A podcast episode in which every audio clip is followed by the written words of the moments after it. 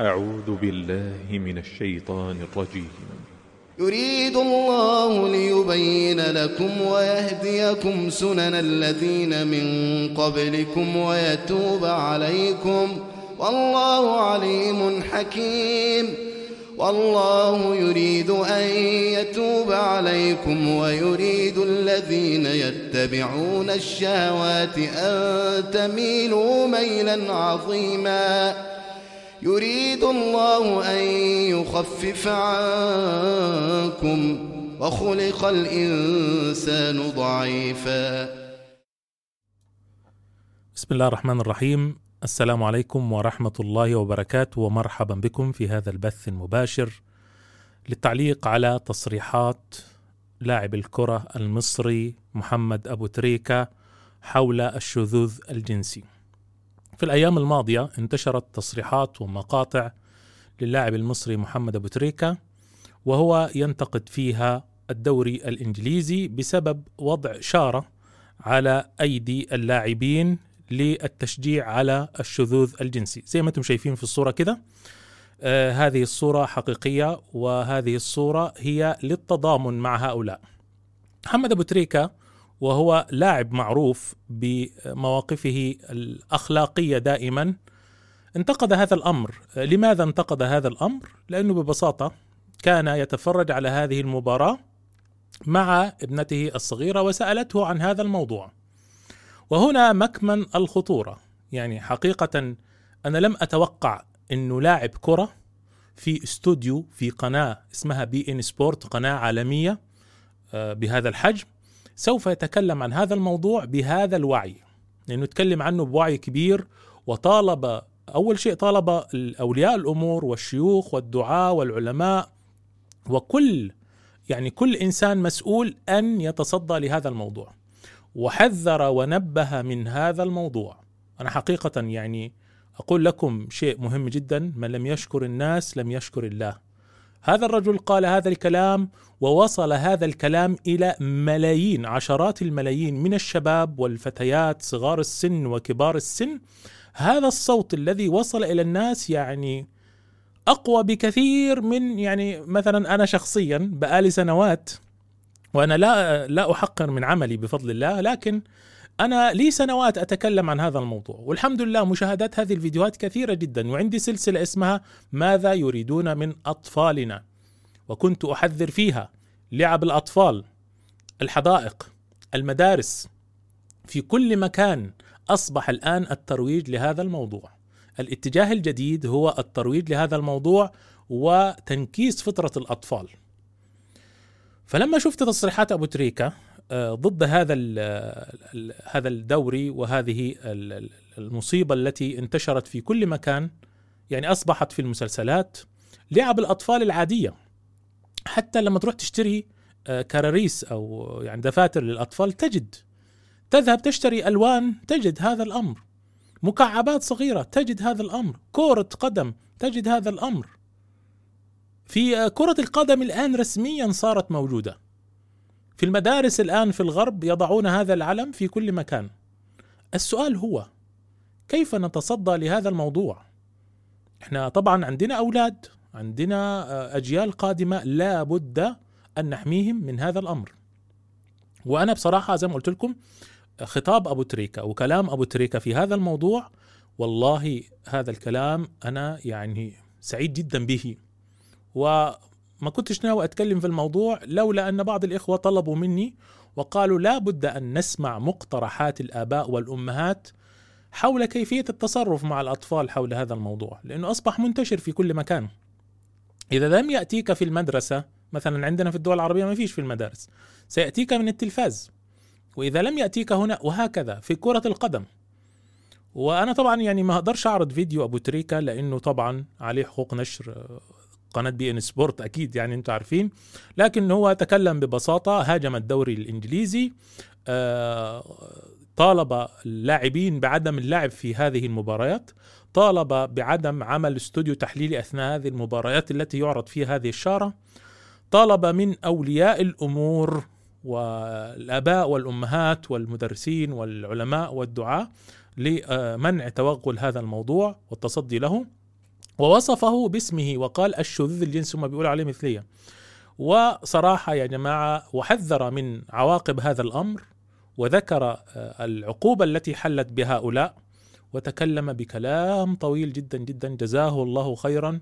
وكما قلت من لم يشكر الناس لم يشكر الله وأنا أشكر هذا اللاعب على هذا الموقف وأتمنى جميع المشاهير يفعلوا مثل ما فعل هذا الرجل.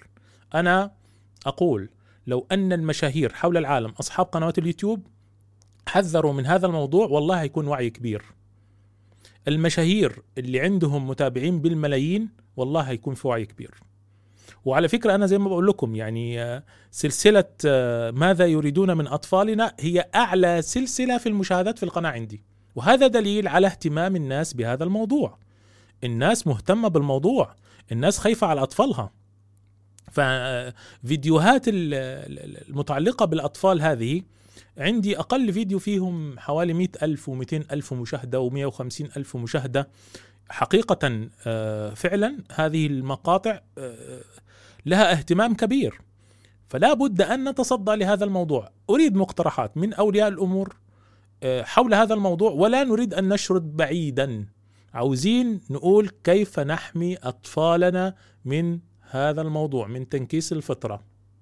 هذا هو موضوع الحلقة. أرجو الانتباه جيدا. نحن هنا لسنا في آه، مصطبة في الشارع. نحن على اليوتيوب على آه، قناة يوتيوب. آه، اليوتيوب مملوك لدولة أمريكية. يعني ببساطة أنتم فاهمين. فلا بد أن نكون على قدر المسؤولية. أنت يا متصل وأنا كذلك. نحن الآن نحاول أن نحمي أنفسنا من هذا الموضوع. هم عندهم في الغرب. بيعملوا اللي هم عاوزينه. وكما قلنا هذا الأمر هو نذير شؤم على هذه البلاد وسوف تندثر هذه البلاد فقط ما نحزن عليه المسلمون الذين يعيشون بينهم. لا يعني ما في أحد في العالم كله بيقول أنتم اللي هم بيعملوه ده مثلا هو مش في صالح لا بس المشكلة إنهم بيعملوا هذا الكلام وبينهم مسلمين وبينهم ناس رافضين لهذا الأمر وكذلك هم بعد أن يتفرغوا من فرضه تماما وإحكام السيطرة على الشعوب التي تعيش بينهم سوف آه، لن يقبلوا ابدا لن يقبلوا انه إحنا نبقى هكذا. فانتبهوا في البداية هم شرعوه وبعد كده قالوا يا جماعة هم حرين. وبعد كده بدأوا يدرسوه وبعد كده بدأوا يحتفلوا بيه. كل سنة آه، صفحات البلاي ستيشن والألعاب الإلكترونية والسيارات بتحتفل. الآن أصبح ممنوع الكلام والانتقاد. الآن كمان أصبح فرض هذا الأمر تعليم الأطفال هذا الأمر واعتبار هذا الأمر هو شيء عادي وطبيعي ومن حقك تعمل اللي أنت عاوزه وتشجيع الأطفال عليه، المشكلة الآن إنه أصبح الأمر لم يعد مجرد حرية، أصبح التشجيع والحض عليه، فالسقف لما بيعلى بتبص تلاقي في بعض الناس اللي بفضل الله غالبية الناس كانوا مؤيدين لابو تريكه. شفنا امبارح الحيزبونات وهم طالعين النسوان الأرشانات دول. آه، طالعين يهاجموا ابو تريكه النسويات وسبحان الله. اسمعوا يا جماعة. في ثلاث جهات هاجموا محمد ابو تريكه أنا شفت الأطفال والنساء وكل أطياف المجتمع المصري والشعوب العربية والإسلامية أيدوا محمد أبو تريكة. اللي هاجموا محمد أبو تريكة أطراف ثلاثة. الملاحدة والشواذ طبعا طبيعي جدا إنهم يهاجموه والنسويات. اجتمع هؤلاء الثلاثة هؤلاء الثلاثة هم آه، وجهان أو وجوه متعددة لعملة واحدة. صدقوني هؤلاء جميعا يلعبون مع بعض. يلعبون مع بعضهم البعض. ركزوا في هذا الأمر. اوعى تفكر والله هذه التيارات كلها مع بعضها. كلهم. اللي عاوز يشارك يا جماعة تفضلوا آه، شرفونا بالاتصال. فتحت الآن التليجرام. من أراد الاتصال أهلا وسهلا به. آه، دقيقة واحدة. سوف أقوم بتشغيل الإشعارات. Accept calls on this device. واهلا بالمتصلين. ومرحبا. أهو. معلش اللي كنت قافله. في ناس عمالة تتصل وأنا قافل استقبال المكالمات على الجهاز. أعتقد الآن كل اللي هيتصلوا هيطلع الصوت إن شاء الله وهيقدروا يشاركوا معانا ونسمع منهم ونسمع آراء الجميع. وزي ما قلت عاوزين آه، نركز في موضوع الحلقة. طيب انقطع الاتصال. أحد الإخوة اتصل. ألو؟ السلام عليكم. وعليكم السلام ورحمة الله وبركاته. ازيك أستاذ مصطفى؟ إيه الأخبار؟ الحمد لله رب العالمين. حلول مقترحة سريعة بخصوص موضوع الحلقة وبخصوص تصريحات محمد أبو تريكة حول ضرورة توعية الأطفال والكبار بشأن هذا الموضوع. هو أهم حاجة يعني طبعا ال- أنا برأيي التربية والأمر بالمعروف يعني التعليم لازم لازم زيادة العلم في كل كل أسرة تكون هدفها يعني إيه إن أولادها يكونوا طلبة علم إزاي يتعلموا. لأن هو العلم المنجي علم العلم نور بي يعني حتى لو واحد متدين وكويس كل حاجة ممكن أي شبهة تدخل عليه إيه في ثواني. لكن لو واحد متعلم أو عنده دين وعلم إن شاء الله يعني يكون إذا الوعي يعني- والعلم. الوعي والعلم مهم جدا.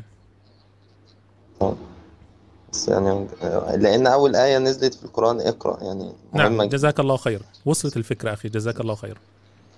شكرا لك. شكرا للأخ الكريم جزاه الله خيرا. آه، أعتذر للناس اللي بيتصلوا وأنا كنسلت عليهم من الهاتف. الآن كله شغال على الكمبيوتر. أهلا وسهلا. السلام عليكم ورحمة الله وبركاته. وعليكم السلام ورحمة الله وبركاته. لو سمحت لي مشاركة في موضوع الشذوذ آه، يعني شيء آه، صعب جدا يحز في نفسي خاصة في هذه الفترة. أرى أنه من الأمور يعني المهمة جدا التي ساهمت في في نشره آه، هي أن هي أولئك النسويات كما قلت. آه، يعني ليسوا فقط يعني وحدهم لكن لهم دور كبير. يعني أراها مثلا في مواضيع على الفيسبوك مثلا. أتمنى أن لا أكون قد خرجت عن الموضوع. تفضلي. لكن أراها في الفيسبوك. مثلا آه، شيء يحز في نفسي كثيرا لما أراه آه، أمور مجتمعة كلها. يعني مثلا لما شباب آه، يجدوا الفتيات متاحات في كل مكان. ثم يعني هذه يعني يلعب مع هذه وهذه وهذه إن صح التعبير.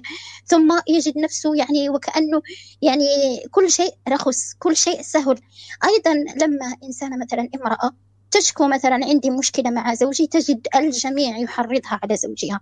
لكن لما تحكي مثلا عن صديقها أو شيء مثل في, في مثل هذا الأمر يعني تجدهم يدافعون عن الأمر ودافعي وافعلي وافعلي ثم نعم. آه، ترخص ترخص ال- المرأة آه، فترخص أيضا في عين الرجل ثم تدريجيا تدريجيا لما نحيد عن يعني ال- الشذوذ في رأيي أنه آه، يعني لما الإنسان يغرق في وحول المعاصي يغرق في الأخطاء كثيرا فيحاول البحث عن شيء جديد يعني لي يعني لأن الله سبحانه وتعالى وضع لنا حدود يعني لما نتجاوزها لم يعني نفقد حتى الراحة والمتعة فيما فيما يرضيه. فنبحث عن ال- لماذا رب العالمين سبحانه وتعالى قال آه، في عمل قوم لوط قال آه، أتأتون الفاحشة؟ يعني سماها رب العالمين الفاحشة. يعني كل يعني وهذا من الأمور التي كما تحدث الأخ أنه لابد من الوعي والتعليم أنه آه، لها مضارها لها مخاطرها لأنه أصلا حتى الأثر الدنيوي للمعصية لابد أن نذكر به. لأنه والله العظيم يعني حتى من لم يردعه خوفه من الله يردعه خوفه من البلاوي في هذه الدنيا. نعم. فأتمنى أن لا أكون قد أطلت. جزاكم الله خيرا. نعم جزاكم الله خيرا. اذا اذا الانحراف تدريجيا يوصل إلى هذا الأمر حتى ولو كان نعم. الانغماس في الفواحش يؤدي إلى هذا الأمر فالإنسان كما حدث في الغرب هم اللي أباحوا في الغرب مثلا الزنا والدعارة وكل شيء واتجهوا الآن إلى يبحثون عن حيوانات أعزكم الله. يعني وصلوا إلى نعم. إنهم يب يعني صاروا يبحثون عن شيء جديد والعياذ بالله. وإنا لله وإنا إليه راجعون. جزاكم الله خيرا. شكرا لك. شكرا للأخت الكريمة. جزاها الله خيرا. آه والله أنا قلت لكم الثلاثة مع بعض. النسويات والملاحدة والشواذ. ألو؟ ألو السلام عليكم. وعليكم السلام ورحمة الله وبركاته. كيف حالك يا أخي؟ الحمد لله رب العالمين. أنا. عندي أنا عندي تعليق بسيط حول موضوع الشذوذ. أقول الشذوذ في الوطن العربي أو الوطن البلاد الإسلامية كلها ما ما عليها خوف. لا يعني لا ما- ما عليها خوف يا أخي عليها خوف يا أخي. مين قال لك إنه ما عليهاش خوف؟ بعقب عليها. ال- الردع اللي في هذه الدول أو في المجتمعات أكثر. بس نعم. الخوف الحقيقي اللي في الغرب اللي المسلمين عايشين في الغرب. يعني آه، العوائل عندنا مثلا عندك هنا أنا في السعودية مثلا أو أو مثلا في مصر العوائل ممتدة. مم. خلاص؟ أو القبائل أو المجتمعات هناك العوائل يسمى أصلا في التقسيم الاجتماعي عوائل نووية. أم وأب بس وبيت وما لهم أي علاقة أي امتداد أي أقارب. فسهل ف ما عادش ما عادش أم وأب يا حبيب. بقى أب وأب وأم وأم. والنهارده عينوا خبر آه، اذاعته من قليل. أول وزيرة تربية وتعليم أول وزيرة مسؤولة عن المدارس في السويد متحولة جنسيا. لسه النهارده الخبر ده. فال- ال- ال- المسؤولة في عن التربية. تم تفكيكهم في أوروبا إلى عوائل نووية آه، يعني صغيرة جدا. خلاص فسهل التحكم فيهم جدا. فالخطر الأكبر والجهد الضخم هناك. يعني إحنا في آه، السعودية مثلا صعب صعب جدا أن يظهر الشذوذ يصير هجوم عالي نعم. جدا من الإعلام الإعلام أو حاجة زي كذا يعني صعب جدا نعم. وفي كل البلدان يحصل مظاهر يحصل كذا والمجتمعات ترفضه بقوة حتى تركيا اللي فتكت فيها العلمانية وفي يعني مع هذا يفشل لأن ليش؟ لما الواحد مثلا يزني معلش بين قوسين يعني يعني هذه فطره الإنسان يميل للمرأة يعني لكن شذوذ يعني هذا لا شهوة ولا فطرة ولا حاجة فالحمد لله في المجتمعات الإسلامية يعني أشوف كدولة وكمجتمع إسلامي تقصد ان صعب العلاقه علاقة إيه. الذكر مع الأنثى هذه هي الفطرة لكن الزنا طبعا أكيد هذه فاحشة إي صح الله المستعان نعم. صح جزاك. الله خير بس في. اذا أخي أنت لا تخاف على البلاد العربية والإسلامية وفقط تخشى على ال- ال- المجتمعات ال- المسلمين اللي عايشين بين الغرب نعم. بين الغربيين جزاك إيه. الله خير. هذا هو الخطر الحقيقي مع نعم ومع ذلك برضو لا بد أن نخاف على مجتمعاتنا. ألو؟ ألو؟ طيب ما في صوت. آه هذا هذا الأمر يا جماعة هو نذير شؤم. يعني هذا هو نذير هلاك هذه الأمم. ألو؟ ألو السلام عليكم. وعليكم السلام ورحمة الله وبركاته. أه حبيت أشارك في موضوع الحلقة تفضل. بخصوص آه، هذه الظاهرة الجديدة والتي لن تتوقف ستزيد وستزيد. آم، إحنا المفروض نتجاوز مرحلة الاستنكار لأنه الله عز وجل أثبت في القرآن إنه هذه الظواهر موجودة وستزيد المفروض نركز في دورنا إحنا. الحلول. يعني آه، نركز في الحلول. أنا أقصد. أنا أقصد أنا أنا بقول نركز في الحلول مع الإنكار طبعا. الإنكار لن ي... لن يغيب طبعا. يعني ضروري. لا بد للإنكار حتى لو إيه يعني لو أصبحت في كل لا مكان. أنا مش بقصد بالإنكار يعني الدهشة. أنا أقصد آه أيوه الدهشة آه ما نتصدمش لا لا. بد أن نتعامل مع الموضوع بشكل واقعي. نعم نعم. مم. زي ما ذكر الأخ في بداية الحلقة التعليم التعليم التعليم. مهم. وتجفيف منابع هذا الأمر. أنا أنا أستغرب كيف لأب أو أم مش عندهم. مش هيجف مش حي... مش هتقدر توجه يعني يعني تجفف؟ هسال لا حضرتك سؤال. أنت أنت تسيبي لأولادك يتفرجوا على نتفليكس وتقولي لي مش هيجف أ- أخليهم يعني لها؟ لا. لازم أعطل. مش مش قصدي. أنا قصدي إنهم عندهم القوة يعني وتلك الأيام نداولها بين الناس. القوة حاليا مع أهل الباطل مش هنقدر ننكر ده. ولكن أنا أم مقيمة في أمريكا. فلقيت نفسي في مشكلة يعني مشكلة اتفرضت علي ما كنتش عاملة حسابي. آه، فبدأت أعلم أولادي في البيت. والله يا أستاذ مصطفى يعني نزل علي خير كبير كبير كبير كبير. من لحظة آه، ابتديت أقوم بدور المعلم. يعني قلت خلاص أبدأ أعلمهم القرآن. بعد كده اكتشفت إن لازم أفسر لازم أشرح. هما بيسألوا. فكنت بجيب آه، محاضرات الدكتور النابلسي. فبديت آه، من الصور الصغيرة جزء عامة. يعني أشرح الآيات الصغيرة. لقيت إني أنا استفدت أكتر منهم. يعني أنا آه، أم بالغة وما كنتش أعرف معلومات آه، استغربت إن أنا إزاي ما دخلش في بالي الموضوع ده قبل كده. صحيح. حتى آه، من ناحية التفوق الأكاديمي ابني الكبير ما شاء الله يعني درجاته في المدرسة طلعت طلعت طلعت حتى الأساتذة بي يعني بيتصلوا علي إنه متفوق وأنا ما عملتش أي مجهود في نعم في آه، ال- التعليم الأكاديمي أنا نعم. كنت يعني وقتي كله في تعليم القرآن وكده ومن يتق الله يجعل له مخرجا ويرزقه من حيث لا والله يحتسب والله يا ربنا مصطفى والله. يا أستاذ مصطفى يعني خير كتير أنا ما أقدرش أقول لك من كل النواحي نزل. عليا التربية. والتعلم الآن الأم والأب أصبح واجب عليهم يتعلموا كيف يردوا على الشبهات الموجودة حاليا لأولادهم أو يعني لازم نتعلم لازم يكون عندنا آه، معلومات عشان نواكب العصر الجديد. جزاكم الله خيرا. ربنا يبارك في حضرتك. آه شكرا لك. الله يخليك. مع السلامة. شكرا لحضرتك. إذا الأخت الكريمة اتجهت إلى التعليم المنزلي لما وجدت أن الواقع سيء وهي تعيش في الغرب لكن للأسف الشديد هذا مش متوفر في كل الدول. ألو؟ السلام عليكم. وعليكم السلام ورحمة الله وبركاته. أول شيء أخوي مصطفى أنا أحب أن أشكرك على الأمر هذا. آه أنت على ثغر والله يجزاك خير. على المسلم آه ثاني شيء آه بالنسبة للأطفال إحنا بنرتكب آه جريمة كبرى لما نقول إنهم أطفال. من وقت إنه هو بلغ هو بالغ وعاقل ما هو طفل. لا أنا بتكلم على آه، الأطفال الصغار. بتكلم على من أول سنة لحد آه، سن البلوغ.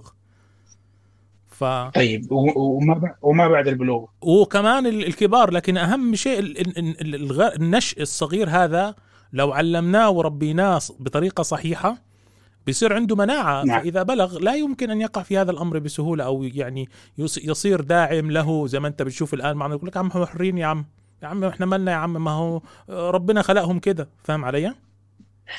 طيب ممتاز. ال- الشيء الشيء الأساسي والمهم في حياتنا إن إحنا في يدنا مشكلة وقاعدين ندور حولنا يمين ويسار طيب القرآن موجود فيه مسمى هذا اللفظ اسمه قوم لوط. وفيه آه إنه هذا فاحشة فيه كل التعاليم. أنا ليش أروح آه أحارب الناس هذه مثلا. أنت قلت اليوتيوب وهذا يعني كل شيء وسائل الإعلام كل ما هو حولك هو ضدك. أنت كيف طيب تقاومهم؟ إلا بنفسك في بيتك مع تربية أولادك والقرآن في يدك. نعم. فعندك حل مهم جدا فيها المسمى وفيها الخسف وفيها الأمور ال... لكل شيء. ما هو بس قوم لوط. للمنافقين للكذابين لأي شيء في الحياة. ليش أنا أروح آه، أشوف آه، حل أو أو مكان ثاني هذا يعني اذا اذا أنت مع لكن أنت تقصد إنه أول حل نبدأ به هو القرآن تعليم الأولاد القرآن الكريم نعم ومصير هؤلاء الأقوام وما حل بهم وأن هذه فاحشة وأن هذا الأمر لا يجوز لنا آه، أن أن نسكت عنه ويجب أن ننكر ولا. ولا يجوز أن نؤيد هذا ونخبرهم بعاقبة صحيح. الذين يسكتون صحيح. على هذا الأمر وهكذا. صحيح. وعموما هم ما يقدرون يمنعون عنا القرآن. هو الشيء الوحيد اللي هم عاجزين عنه. مم. فأنا بيدي الآن القرآن أمسك طفلي آه، أقرأ معه كأني أنا بسوق أخذ قصه معينه اوصل لوط يفهمون هذه قوم لوط وفاحشه هذه هو بالغ مم. وعاقل وراح يفهم الطفل أذكى من الرجل الكبير. يعني طبعاً. مثلا بنت أبو تريكة شافت يمكن أبو تريكة ما شاف العلامة حقت القائد الفريق. هي شافتها وعرفت إن هذا لون قالت إيش هذا؟ طيب. بطبيعة الحال كل الأطفال زي كذا. الشيء الثاني في مشكلة كبرى إحنا بنواجهها كمسلمين هي الارتباط بالعالم المادي. آه، إحنا مرتبطين فيه ونسينا الدنيا ونسينا الأطفال ونسينا كل شيء والناس مهملة. أنا ما راح أتكلم يعني ما راح أدخل عشان ما أطلع عن الموضوع الأساسي بس هذا هو كل اللي عندي. جزاك الله خيرا أخي الكريم وشكرا لك. اذا التربية الإيمانية القرآنية جزاك الله خيرا. وهذا طبعا واجب طبعا. بلا بلا جدال يعني. ألو؟ ألو؟ السلام عليكم. وعليكم السلام ورحمة الله وبركاته. آه، حبيت أتدخل في الموضوع بصفتي يعني إذا ممكن أفوت أو تعطيني شوية وقت لأنه راح أحكي في مواضيع مهمة بالنسبة له بصفتي أنا رسام. مختص بالرسوم المتحركة. وأنا من الأشخاص اللي بستمتع يعني وعندي هوايتي في هذا الإشي.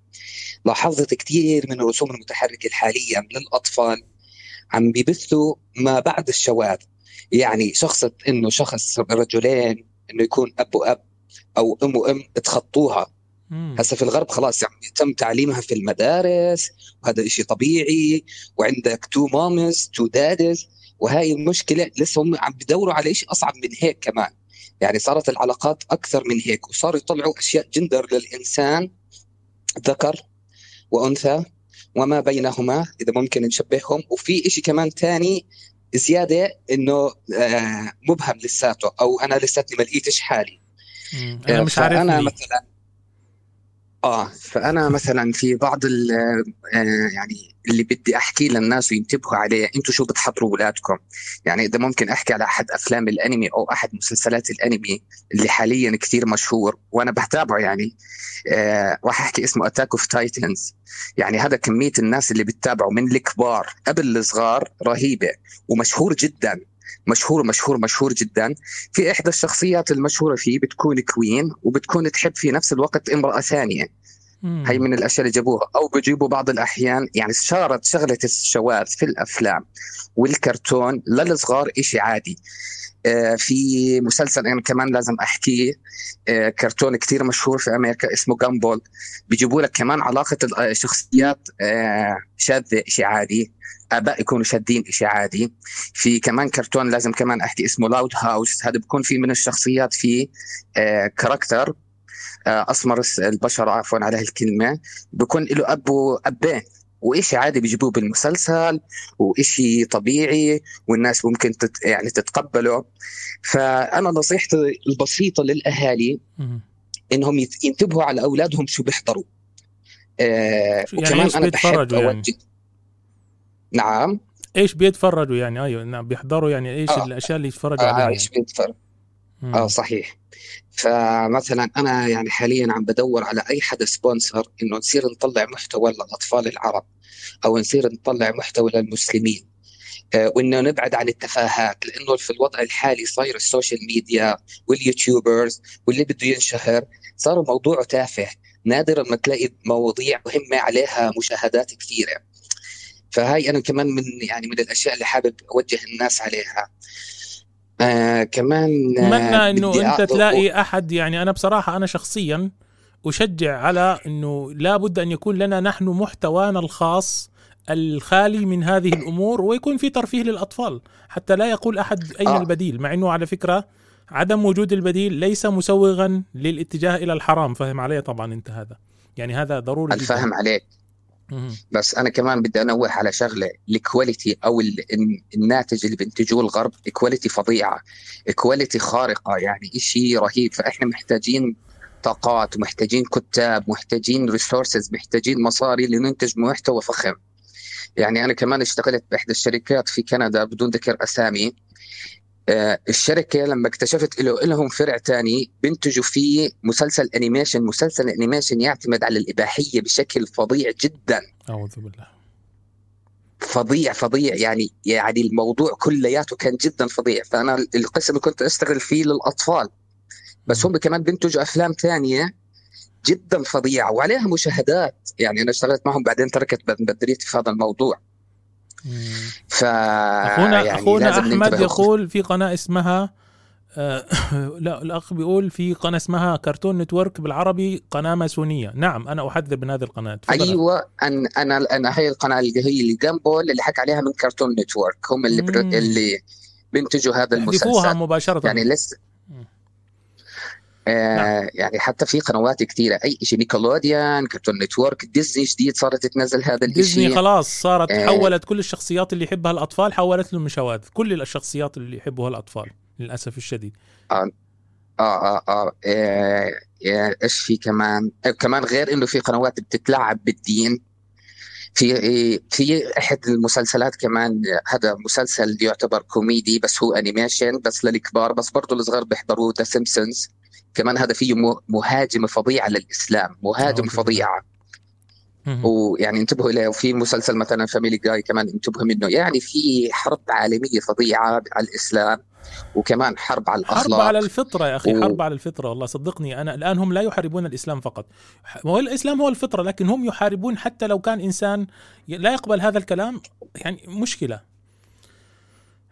الله المستعان. يعني أنا من من الأشياء الصعبة إذا ممكن أذكر لأحد أقاربي لأصدقاء لهم في كندا في يوم من الأيام اكتشفوا انه ولدهم تزوج رجل. أعوذ بالله. فيعني في- ما في- قدروا انه يحكوا امرأة- معاه في شيء امرأة كانت تشتكي لي من فترة قريبة أن ابنها أصبح الآن مع يذهب يعيش مع رجل ويترك المنزل وكلما تكلمت معه يعني لا تستطيع أن تفعل له شيء في الغرب في إحدى الدول الأوروبية للأسف الشديد. آه. آه هذا لما تسيب طفلك قدام الكرتون اعمل حسابك انك إنك الآن ما بت بتمتعه أنت الآن بتضيعه. فلا بد أن تعرف ماذا يسمع وماذا يشاهد حتى لا تأتي وتبكي لأنه الطفل بيتعلم بسرعة. جزاك الله خيرا. عندك جملة تختم بها؟ آه بدي أحكي بس عن موضوع النسوية بجزء بسيط وعلى حسب معلوماتي. إنه الشخص ال- إنه للأسف الشديد إنه منتشر في بلادنا كثير. أنا كشخص آه، رجل أعزب عمري 33 عاما بدور على امرأة بالطر- بالطريقة المتعارف عليها مثلا وبيحكوا لها الطريقة التقليدية. آه، مشكلة النسوية عم بلاحظها بجزء كثير كبير من فتياتنا. آه، عدم تقبل إنها إنه بيشوفوا شغل إنه المرأة إنها تكون كزوجة سيء سيء إنه المرأة لازم أن تعمل المرأة مثلك. أنا بالنسبة لي المرأة أفضل من الرجل يكفي إنها تكون أم. وأنا كرجل بغار من اطفالي إنه يحبهم أمهم أكثر من يحبوا أبوهم قد ما إحنا بنحب أمهاتنا. فهم عم بيطمسوا هذا الإشي. فكمان برضو الناس كمان تفتح تشوف عقول آه، بناتها عقول خواتها شو عم بيصير. أنا عم بواجه هي المشكلة كمان بالشغل النسوية تحارب آه، فطرة المرأة الأنوثة لدرجة أني شفت واحدة تقول لماذا أضيع عمري في تربية أطفالي وأنا أنا حرة؟ خلاص يعني الأطفال دول ما يهموني ترميهم تحطهم مع واحدة أو تسيبهم للزوج أو كذا. تخيل يعني دمروا فطرة المرأة اللي هي حب الأطفال وحمايتهم و... وبنشوف كنا زمان نشوف الأم تقاتل حتى تأخذ حضانة الأطفال من الأب. الآن لا. أنا ترمي الأطفال عادي جدا. الله المستعان. جزاك الله خيرا أخي و... وإن شاء الله لنا. تواصل تاني إن شاء الله. خليك معنا دائما آه، شارك معنا. إن شاء الله. هاي أول مشاركة لي على التليجرام وهي أول مشاركة فيك. لي على القناة نفسها. جزاك الله بارك خيرا الله فيكم وربنا يرزقك الصالحة لكم. وزواج الصالونات هذا اللهم آمين. ادعيها زواج حلو. وكويس وكذا وكل ال... آمين كل يا ال... رب. وكل ال... كل الطرق تؤدي إلى النجاح أو الفشل يعني هم كذابين يعني. بالعكس كثير من الفتيات والشباب كانوا يعيشوا فترة الجامعة ويحبوا بعض زملائنا إحنا أنا شخصيا. وهم أفشل ناس أفشل معيشة. في نص الليل في الشارع وعينيها ورمة ماشيه في الشارع مضروبة. يعني ترى القصة يعني فهذا بيفشل وبينجح وهذا بيفشل وبينجح. جزاك الله خيرا. شكرا لك يعطيك العافية. السلام عليكم. شكرا لك. وعليكم السلام ورحمة الله وبركاته. جزاك الله خيرا أخي الكريم. ألو؟ السلام عليكم ورحمة الله تعالى وبركاته. وعليكم السلام ورحمة الله وبركاته. سوف أخوض مباشرة في الحلول. خوض يعني نعم أنا في مقيم في كندا. ومشكل يعني هذا المشكل آه، يعني لنقل إن كندا من بين الدول المؤيدة لهذا ال لا- يعني داعمة داعمة ومشجعة وليست آه، مؤيدة. وم- داعمة ومشجعة. نعم يعني نعم. مسيرات آه، ما تسمى الفخر هذه كل سنة يعني أعوذ بالله بصور كانت توصلني في شهر آه، يونيو يعني والله شيء مخجل جدا يعني ف نعم هناك حي أصلا هناك حي في مونتريال يسمى حي الشواذ يعني نعم. هذا طيب إيش ال... يعني إيش اللي عندك طبيعي. في هذا الموضوع أخي؟ آه، قبل أن أقول الحل يعني أصلا في المدارس أصبح يدرس يعني التربية الجنسية وأن الرجل مع الرجل والمرأة المرأة شيء عادي لذلك أنا بالنسبة لأبنائي ماذا أفعل؟ يعني عندما يعودون من المدرسة وأنا علمت مسبقا. ألو؟ أخي انقطع الصوت. انقطع الصوت أخي سمعني خلاص. اتصل علينا مرة ثانية. انقطع اتصال الأخ للأسف الشديد. يبدو عنده مشكلة في, في الاتصال أو في الإنترنت. في ناس بتتصل على الواتساب. أنا مش عارف يا جماعة إحنا ما بناخدش اتصالات من الواتساب لكن هاخد هذا الاتصال. السلام عليكم. عليكم السلام ورحمة الله وبركاته. آه، أخي الكريم آه، آه، نعم نعم نعم أخي الكريم. تفضل.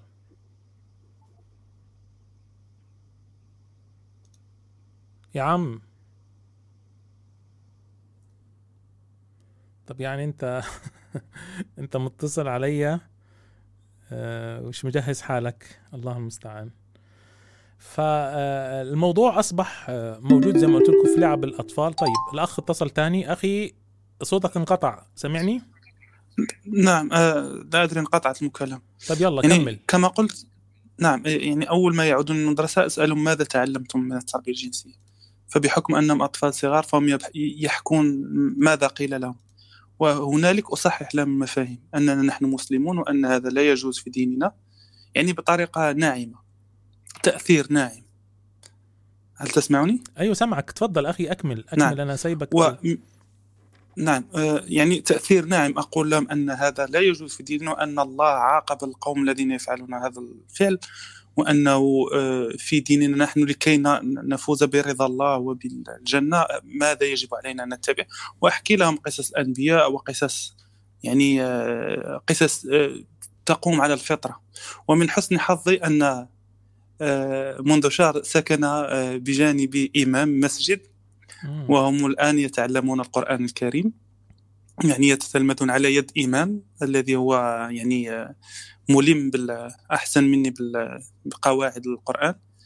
وهذا هو يعني. آه، كما قلت يعني يجب تقريب الأطفال وتأثير ناعم فيهم. لأنه إذا ألو؟ لأنه إذا لأنه إذا يعني إذا الأطفال أردت أن زعما تؤثر فيهم تأثير عنيف آه، فهناك لا قدر الله إحنا بنتكلم على النشء الصغير. يعني إحنا بنتكلم التأسيس ال- من ال- النشء الصغير يعني لا بد أن يكون من البداية طبعا في هذه المرحلة ما في عنف ولا في أي شيء يعني آه، فالله لا يعني المستعان. آه، لا أقصد بالعنف لأن هنا أصبح يعني في كندا أصبح من السهولة أن يؤخذ منك الأطفال بمجرد أنه الطفل ربما على- في المدرسة ويقول لهم أنه نعم، نعم. تم تعنيفه لفظيا ي- حتى لفظيا لا الطفل يقبل هذا. يدمر أسرة كاملة إذا قرر تمرد أو فعل شيء أو حتى بدون أها. تمرد إذا كذب آه، بسبب إغراء أو شيء وقالوا له ماذا يفعلون قل ضربوني خلاص الأسرة هذه في كرب. رهيب نعم. الله المستعان جزاك الله خير نعم لذلك نعم لذلك يعني آه، بما أنهم يستعملون آه، التأثير الناعم من أجل جذب الأطفال فنحن يجب أن نستعمل نفس التأثير يعني نضربهم بسلاحهم يعني نستعمل تأثير ناعم لجذب أطفالنا إلينا. وذلك بتعليمهم أن, تنجح هذه بس ما تنجح في في هذه. يعني أنت بإيديك بتوديه لهذه المدرسة اللي هي بيشوف فيها هذا الكلام وبعدين بترجع على البيت تحاول معه بالتأثير الناعم. طب هناك الناعم هناك بيقدمه في قالب ترفيهي.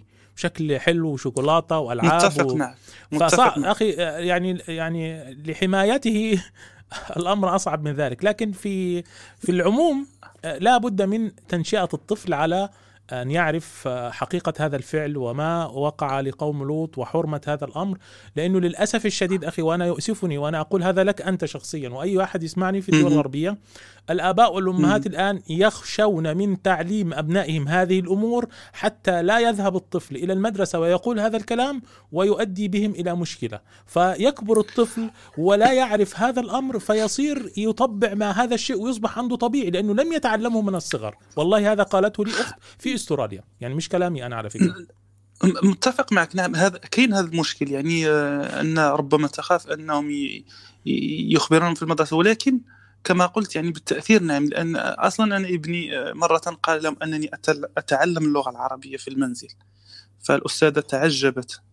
ولكن كما قلت يعني تأثير ناعم وأنا حاليا يعني أحضر للهجرة المعاكسة. يعني ما شاء الله ربنا يعينك. آه، ويوفقك نعم لأنني آه، اعلم أعلم أن لقد حضرت حلقات أخرى يعني حلقات عن الهجرة المعاكسة وعن المشاكل آه، التي يعيشها المسلمون في الغرب ويبقي لك أولادك وزوجتك اللهم آمين وجميع أولاد أولاد المسلمين.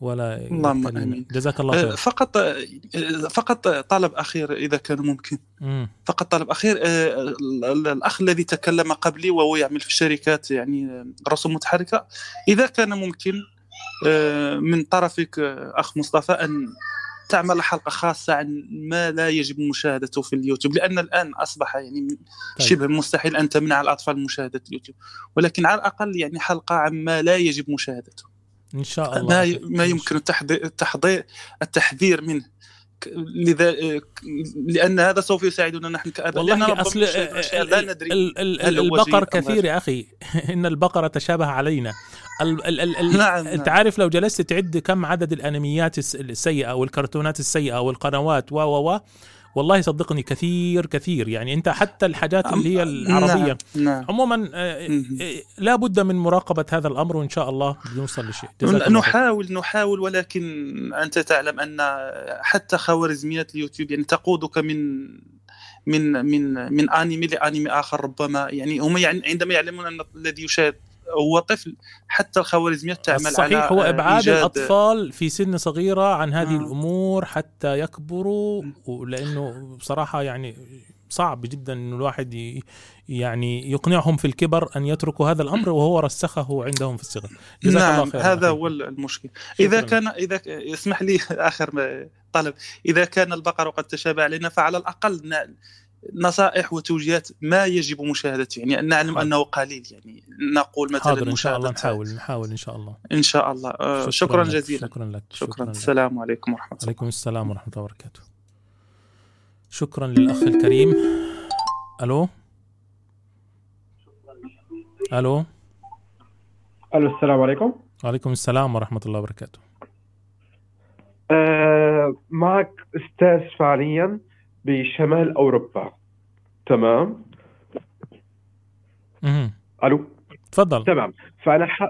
فأنا حابب بس أضيف شيء. أول شيء بتشكرك على الحلقة هي اللي عم وأنا حابب أضيف شيء ملاحظة صغيرة. آه، حاليا في مثل ما بتعرفوا الشهر هاد أو أو ابتداء من بكرة في أعياد بشمال أوروبا وبأوروبا بشكل عام مم. اللي هي كريسماس. صحيح.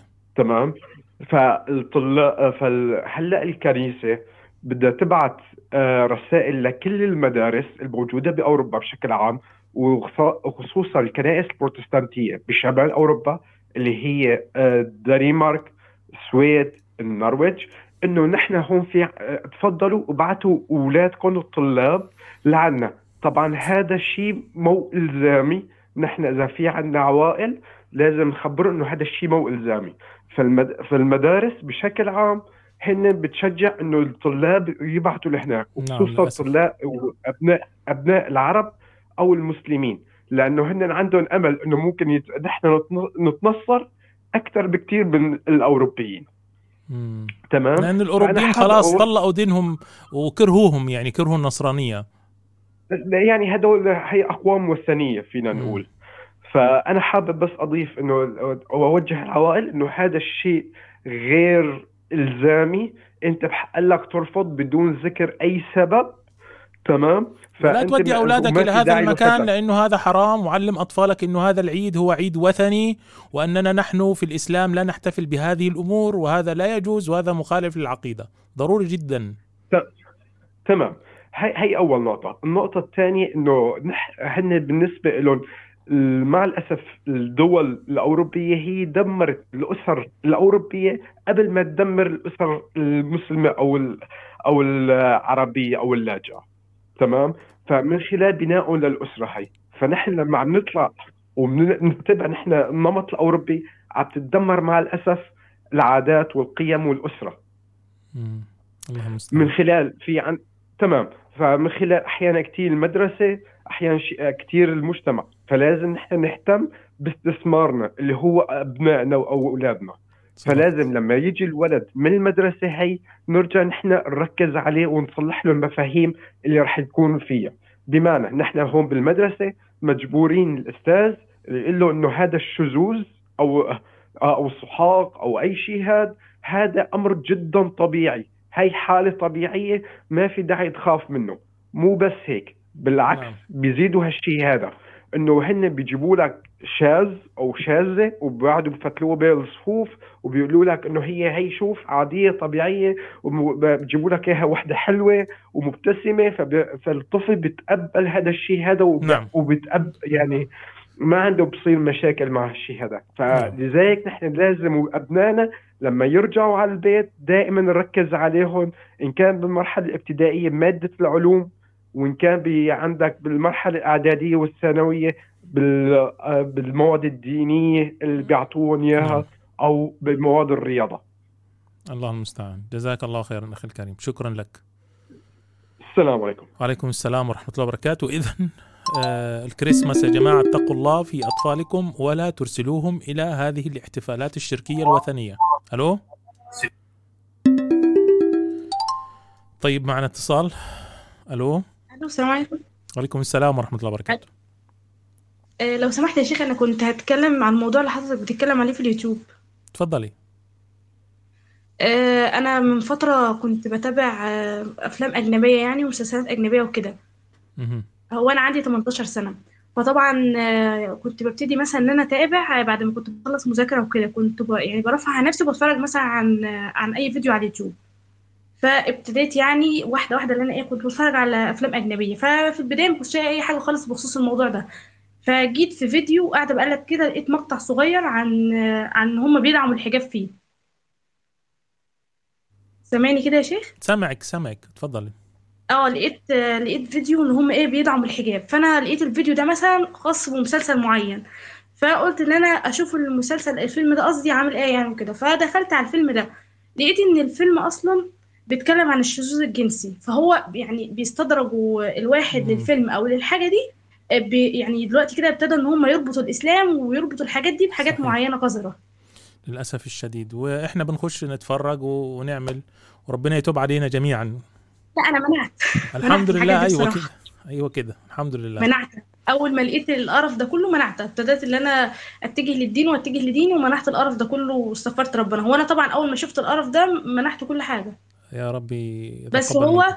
آه، كل ما في الحكاية إن هم دلوقتي الحاجة اللي بيعملوها إن هم مثلا إيه جايبين آه، في الفيلم ده مثلا هم بيدافعوا عن واحدة محجبة حد مثلا شد الحجاب من واحدة طلع هم يجوا زي الفيلم إيه الفيلم. الفرنسي اللي عملوه للطفلة المسلمة الصغيرة اللي برضه بيدعموها وكده وفي في النهاية هو فيلم أصلا يعني شذوذ وكلام فاضي يعني هو هيك يعني فعلا أيوة، الفكرة اللي أنت بتقوليها. فعلا. يقولوا إن ده فيلم مثلا بيدعم حقوق ال ال الأطفال حقوق مش عارف كذا المحجبات آه، بيدافع عن كذا وتخش تلاقي أيوه فعلا هو دعم كده لهذا الأمر. الله لا هو أنا الفترة دي بصراحة أول ما شفت ال- الموضوع ده وشفت القرف ده كله آه كرهت الناس دي وكرهت كل حاجة وما بقتش يعني أسمع الحاجات دي خالص اللي هو في الفطرة المذاكره أنت على القرآن. السليمة هي دي الفطرة السليمة وهي دي فطرة المسلم والمسلمة. وهم يريدون تنكيس هذه الفطرة فأسأل الله أن يتقبل أنا حتى بقت بصراحة يعني بقت أفتح يعني أفتح الموضوع ده مع أخواتي اللي هم أصغر مني وأقول لهم إن أنتوا مثلا ما لكمش يعني بدأت ان أنا أوعيهم بدأت ان أنا أقول لهم ما تتابعوش أفلام أجنبية. لو لقيتوا أي حاجة في الأفلام الأجنبية أنا أصلا كنت محرجه إن أنا أقول لهم كده بس قلت لا أنا لازم أتصرف ولازم أقول لهم ما تتابعوش الحاجات دي. نعم ربنا يكتب أجرك ربنا يجزيك صاحبه شكرا لك. ماشي السلام عليكم. وعليكم السلام ورحمة الله وبركاته. ما شاء الله. الحمد لله الحمد لله. والله لسه في فطرة يا جماعة ولسه الناس منتبهة. ألو؟ السلام عليكم. وعليكم السلام ورحمة الله وبركاته. معكم أم مريم من المغرب. يا أهلا يا أم مريم. كيف حالك أخي؟ والله رب نحبك في. الله. وإني فرحة كثيرا والله العظيم. فقد كلمتني أختي وقالت لي راه آه، آه، مصطفى آه، في لايف والحمد لله. فقط. الصوت بيقطع. تفضلي أختي. آه، تسمعني أخي؟ أيوة سامع حضرتك. تفضلي. ماذا لديك نعم، في هذا آه، الموضوع؟ مداخلتي لأني عشت مدة 16 سنة في الغرب وبالضبط في إيطاليا. مهم. والله العظيم أشياء مخزية يعني والله العظيم يعني آه يعني العرب أولاد العرب ضائعون والخوف عليهم أكثر يعني هناك. يعني الحمد لله أنا هذه الست سنوات يعني يعني عندما رجعت إلى المغرب نهائيا والحمد لله أنعم علي الله بالرجوع. آه، تعتبرين ترك ترك دولة متطورة جميلة زي إيطاليا والذهاب إلى المغرب والله أنا نعمة؟ تركت كل شيء في سبيل الله. نعمة؟ تركت كل شيء. لا لا ليست نعمة. لا أنا أقصد يعني هذه نعمة يعني- هذا هذا عودتك هذه نعمة كونك بين المسلمين. نعم نعمة. آه الحمد لله. آه، الحمد ليس لله العيش في إيطاليا لله. لا نعمة الحمد. لله. لا الحمد لله. لا لا الحمد لله. أفهمك في الأول. لا لا الحمد لله. والله كانت نعمة كبيرة. والحمد لله سبحان الله لم يرزقني الله سبحانه وتعالى الأولاد يعني هناك. الحمد لله يعني مرت خمس سنوات ولم أستطع الإنجاب. وسبحان الله عندما عدت إلى المغرب يسر الله أمري. سبحان الله يعني. هو كانت هذا تخوف يعني عندما كنت هناك لأني ذهبت إلى إلى إيطاليا صغيرة. ورأيت الأعجاب يعني العجب العجاب. يعني ورأيت يعني أشياء مخزية. يعني يعني لدي لو يعني حكيت لك يعني شهر ولن أنتهي من الحكايات يعني أشياء يعني صعبة جدا سبحان الله يعني هل هل هل, خطيرة. هل هل بعد ما تجيبي أطفال أو بعد ما صار عندك أطفال تحبين أن نعم. يتربوا في هذا المجتمع الغربي؟ ابدا ابدا ابدا يعني أنا لا أنصح أي إنسان يعني مسلم أن يذهب وأن يربي أبنائه هناك لأنهم سيضيعون يعني إحنا الحمد أنا الحمد لله أنعم علينا الله لأن يعني كانت أمنا مريضة يعني وكنا ملتهيين بالمرض أمي.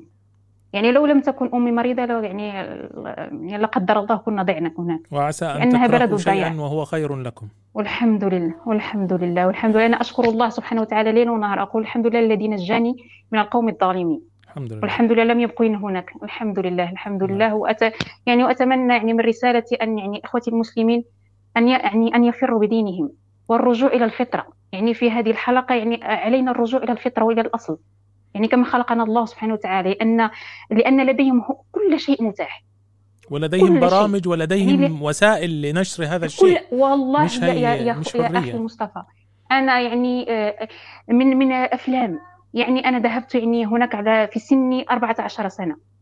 والله أول مرة ذهبت إلى إيطاليا رأيت يعني من أول يوم إلى المدرسة أنا يعني لم أكمل الدراسة. يعني أبي يعني قال لي لماذا لم تريدين أك... أنا يعني استحييت من أبي. لأني كنت يعني في سن يعني أفهم وأعي. يعني فس يعني كنت أس يعني أستحي مما أنظر إليه. يعني في المدرسة والكلام يعني وال... ليس ليس لديهم دي... ليس لديهم يعني آه، ليسوا آه، ليسوا أناس. يعني بالنسبة لي يعني هم لي... آه، أقل من الحيوانات. الحيوان لا يفعل ما يفعلونه. يعني وفي وفي سن صغيرة يعني. في المدارس هناك في إيطاليا. يعني صغ... في المدارس خطير جدا والله خطير جدا. يعني يعلمون يعلمون ببساطة شديدة يعلمون الفواحش والأمور المخجلة يعني. والله أنا أول يوم أول يوم رأيت الفواحش في أول يوم. يعني تخيل في أول يوم الع- العجب العجاب. يعني والله يشهد علي يعني إلى يوم القيامة. يعني و... يعني وأنا لم اكن افهم يعني وك- وكانوا يعني الاولاد أكثر الاولاد كانوا يتقربون منا. كنت أنا واختي يعني في نفس ال- القسم وكانوا يعني يقولون آه يعني كانوا يفهموننا أشياء ونحن لم نكن نفهم اللغة. يعني هم كانوا يريدون أن يعني أن يعلمونا الكلمات يعني وأن يكون يعني صداقة بيننا ونحن لم نكن نفهم. يعني ولكن يعني سبحان الله كنا نفهم يعني الغرض يعني من. من تلك الكلمات الحمد لله الحمد. لله يعني. والحمد لله على السلامة يعني و... وربنا يسعدكم. ويبارك في أطفالكم. يا رب. جزاكم الله يا خيرا. رب وشكرا وجزاكم والحمد لله. انني فرحة كثيرا وأتمنى إن شاء الله ان يعني أن أتوفق في المرة القادمة لكي أحكي لك يعني الحقائق نعم. يعني في في حلقات ال... في في حلقات المسلمون في الغرب لعل حضرتك تشاركي فيها إن شاء الله. إيه. جزاكم الله إن خيرا. شاء الله. جزاك الله خيرا. والسلام. عليكم ورحمة الله وبركاته. وعليكم السلام ورحمة الله وبركاته. جزاك الله خيرا. معنا اتصال. ألو؟ السلام عليكم ورحمة الله تعالى وبركاته. وعليكم السلام ورحمة الله وبركاته. تحية لك ول- ول- ولجميع المستمعين. جزاكم الله خيرا. وإياكم أخي الكريم. حفظك الله. أنا إنسان مغربي. مهم. وأريد أن أقول أن توعية الأطفال وتربيتهم تربية إسلامية مبنية على القيم والأخلاق الحميدة وتحذيرهم من السلوكات المحرمة والتي تؤدي بالإنسان إلى الهلاك وإلى غضب الله عز وجل والعياذ بالله. فتوعية الأطفال وتربيتهم تربية حسنة يا أخي الكريم هي من هي من من أساس من أساس تكوين شخصية الأطفال في في سن مبكرة على توعيتهم و... وإرشادهم إلى الدين وإلى الصلاة وإلى تقوى الله. إذا البداية مع من الصغر مع الأطفال. هذا كلامك يعني. نعم جزاك الله جزاك الله خير. معنا اتصال. ألو؟ ألو؟ السلام عليكم. وعليكم السلام عليكم. الله وبركاته. آه، إزيك يا أستاذ مصطفى؟ آه، أنا بس كنت عايز أشترك معاكم يعني عشان نغير كلمة مثلية دي ونخليها شذوذ. يبقى الناس عارفة إن هي اسمها شذوذ. ما إحنا ما أنا أنا طول عمري بقولها كده على فكرة في حلقاتي. آه وال... و... وكل يعني الناس يعني أي حد نلاقيه بيقول مثلية نقول له لا اسمها شذوذ. لأن إحنا مجرد ما قلنا مثلية يبقى إحنا كده بنساعدهم في, في غرضهم. آه و... و... ودايما حتى ال- الناس اللي بتتكلم في الموضوع ده يقول لك إيه؟ يقول لك فلان ده عنده مي- ميول مثلية. أما ده عنده ميول مغايرة. يعني الشخص العادي الطبيعي اللي هو اللي هو البني آدم العادي اللي هو مش هقول لك حتى فطرة اللي هو بني آدم يعني هو يعني هو مولود ذكر ودي مولودة أنثى. الناس العادية دي آه، بيسموها ميول مغايرة. يقول لك ده ميول مغايرة وده ميول مثلية. بحيث إن ما يبقاش في حد اسمه عادي وحد اسمه آه، شاذ لا هم عايزين كله متلخبط مش عايزين حاجة اسمها عادي. لأن كلمة شاذ يدل إن هو في في غلط في عيب في مشكلة. وفي ناس مش عايزة إن يبان عند الناس دي إن هم فيهم مشكلة تمام؟ آه، هم هم هم عايزين كده ما يتقالش كلمة شاذ عشان الشخص نفسه ما يحسش إن في مشكلة. لا صحيح. أنت عندك ميول مغايرة وأنا عندي ميول مثلية وهكذا. آه، وللأسف في ناس طبعا إحنا مش عايزين نخبط في حد بس يعني في ناس من المعالجين للمشكلة بيقولوا كده نفس الكلمتين دول. آه، بيعالجوا المثلية وبيعالجوا ال- بيسموها لا لك أنا عالج المثلية وكده. هو طب أنت المفروض يقول شذوذ أصلا بس للأسف الموضوع يعني تغلغل لدرجة يعني بقى كله بيقول الكلمة دي دلوقتي. فضروري طبعا في لفظ اللي هو اللوطيه وده برضو لفظ قوي جدا ولفظ. محبب يعني بالنسبة مخنث. مخنث. آه ضروري ضروري. هي دي الأسماء اللي اتعمل هي دي الأسماء الحقيقية اس- أسماء اسم- الوصف الحقيقي.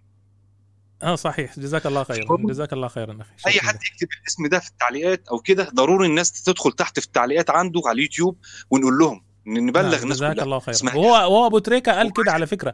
أبو تريكة قال ما اسمهاش. كده. نعم. انت سمعت أبو تريكة؟ سمعت أبو تريكة؟ أيوه سمعت.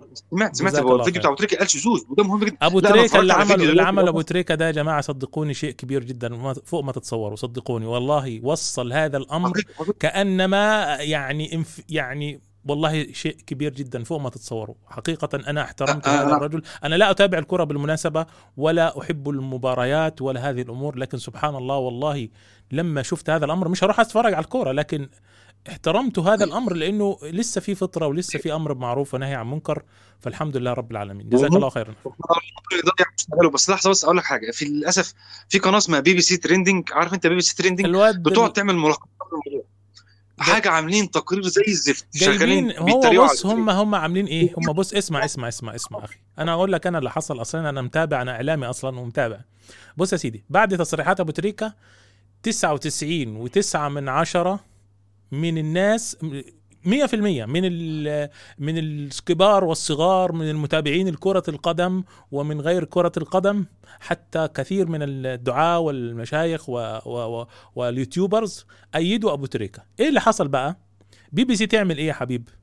تجيب آراء ال الناس اللي هم اللي هم أصلا شاذين عن الفطرة النسويات والعلمانيين والملاحدة وهؤلاء طبعا بالضرورة هم يهاجموه عشان يقول لك أحدث جدلا بمعنى إنه الناس معترضة عليه فاهم علي؟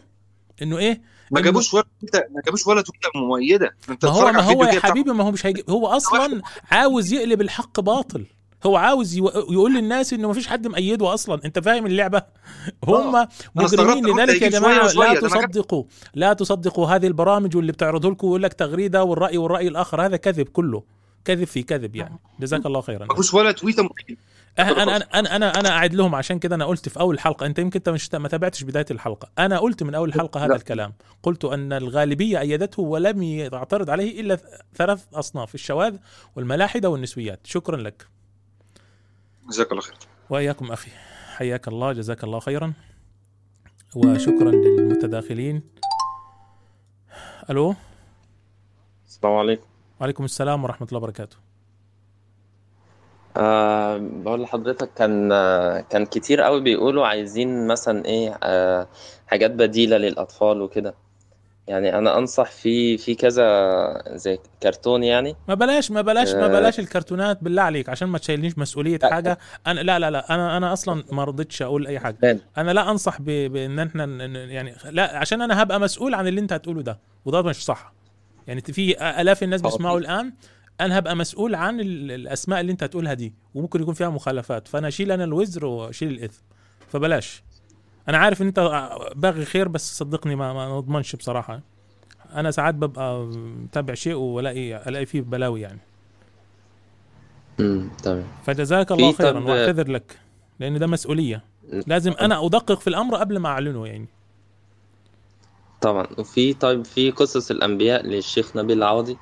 روعه. يعني ممكن أنا أنا أنا كنت بسمعها وأنا صغير. يعني. ماشي قصص الأنبياء اللي هي الحاجات الدعوية دي ما فيش فيها نقاش يعني. جميلة جدا. لكن المشكلة الناس مش بتبحث عن ال- المواد الدعوية الناس بتبحث عن كرتونات وأشياء من هذا. فكرتك هتتكلم عن الكرتونات يعني. لا أنا كنت هتكلم عن كرتونات برضو يعني دعوية برضو يعني يعني خلاص. خلاص أيوه خلاص. خليها لاحقا جزاك الله خيرا. أيوة. شكرا لك أخي الكريم. واعتذر لك. آه طيب. معنا اتصال. ألو؟ ألو؟ آه السلام عليكم ورحمة الله عليكم وبركاته السلام ورحمة الله وبركاته.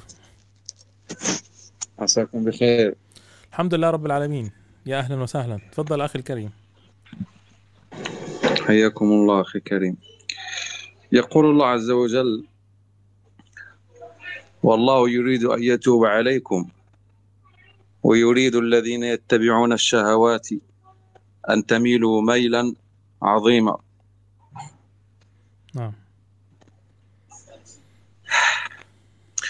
لما قال عز وجل يريد الله يخفف عنكم وخلق الإنسان ضعيفا يعني الإرادة الشرعية والإرادة الكونية لا نقصد هنا هذان الشيئين وإنما المعنى الإجمالي والتفصيلي للآيتين مع ربطهما بالواقع الحالي ويدخل فيهم أيضا عصاة المسلمين مع اليهود والنصارى كما قال الإمام الطبري رحمه الله. نعم. يريد الله أن يخفف عنكم معذرة يعني أنا عندي ضيق في التنفس. ألف سلامة يريد الله أن يخفف عنكم قال ابن كثير أي في شرائعه وأوامره ونواهيه وما يقدره لكم. ولهذا أباح الإماء بشروط كما قال مجاهد رحمه الله وغيره وخلق الإنسان ضعيفا فناسبه التخفيف لضعفه في نفسه وضعف عزمه وهمته. وقال طاووس أيضا وخلق الإنسان ضعيفا أي في أمر النساء. وقال وكيع يذهب عقله عندهن. ويدخل أيضا عصاة المسلمين في الذين يتبعون الشهوات. فقد قيل في المراد بهؤلاء أربعة أقوال. ذكرها ابن الجوزي في زاد المسير فقال وفي الذين اتبعوا الشهوات أربعة أقوال أحدهما أنهم الزناه قال مجاهد ومقاتل اليهود والنصارى. وقاله السدي أيضا والثالث أنهم اليهود خاصة. ذكره ابن جرير. والرابع أهل الباطل قاله ابن زيد. وقال القرطبي رحمه الله ذلك على العموم وهو الأصح. أخي الكريم لا شك أن الواقع يشهد بأننا على هذا العموم فكثير من الفجرة والفسقة ممن يتكلمون بألسنتنا وهم من بنو جلدتنا من هذه الأمة يصدق فيهم أنهم متبعون للشهوات في أنفسهم وأنهم يريدون أن تميل الأمة للشهوات ميلا عظيما. حيث نراهم يسعون جاهدين لاستمالة مجتمعات المسلمين إلى الشهوات المحرمة والميل بهم عن الطهر والعفاف إلى الانحلال والمجون وصاروا وكلاء لأعداء الأمة في السعي الحثيث لإفساد المسلمين. أسأل الله عز وجل أن يرد كيدهم وأن يبطل مكرهم. آمين. وآسف عن الإطالة أخي مصطفى شكرا حياكم لك الله. أخي الكريم. جزاك الله خيرا. مشاركة قيمة. جزاك الله خيرا وشفاك الله وعافاك أخي. اللهم آمين. آه، إن شاء الله. نت- ربنا يبارك فيك. آه طيب. طيب معنا اتصال. ألو؟ ألو؟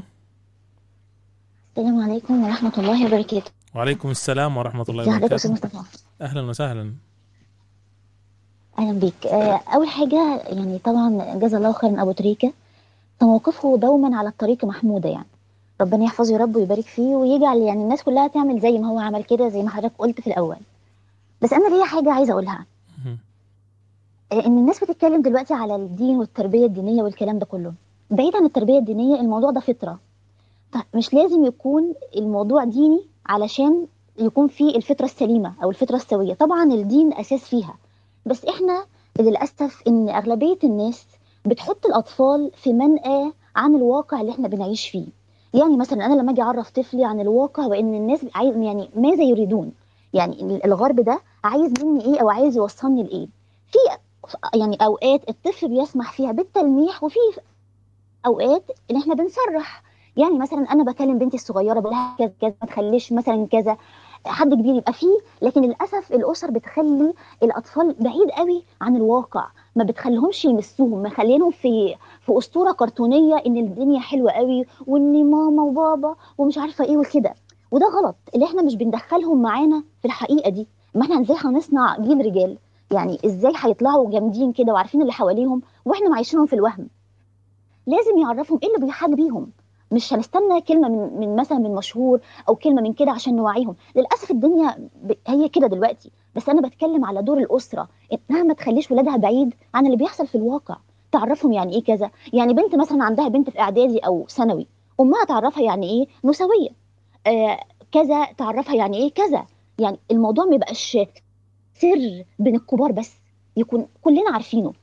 أخ تاني بيتكلم تعقيبا على كلامه يعني كان بيقول إن إحنا بس نتكلم عن الغرب يعني هم دول الخطر لكن اللي في العرب في العرب يعني مش خطر ولا حاجة. لا طبعا إحنا لا أنا رديت عليه أنا رديت عليه عموما يعني. آه بيمشوا خطوة خطوة. أيوه لأ وهم أصلا كده كده خطوة خطوة وراه يعني داخلين بحر الضب بن- بنزاحم فيه. ف هم يعني هم بعد أن على ينتهوا بعد أن ينتهوا من فرض هذا الأمر تماما ويعني يصبح أمر واقع هناك يعني هم لن يجدوا إلا أنه لازم يفرضوا علينا إحنا. فإحنا لازم نتصدى ليه من الآن. أيوه هو أيوه بالظبط. هو شبه مف... يعني هو شبه واق- واقع دلوقتي. على فكرة أنتوا بتلاقوه في مواقع التواصل بيحصل كتير جدا. الموضوع انتشر بطريقة بشعة. يعني الموضوع منتشر بطريقة فجة.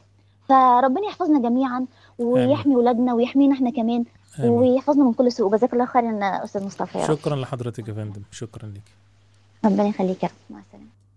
شكرا للاخت الكريمة. ولا بد أن يقتدي الجميع في الأمر بالمعروف والنهي عن المنكر بهذا الموقف.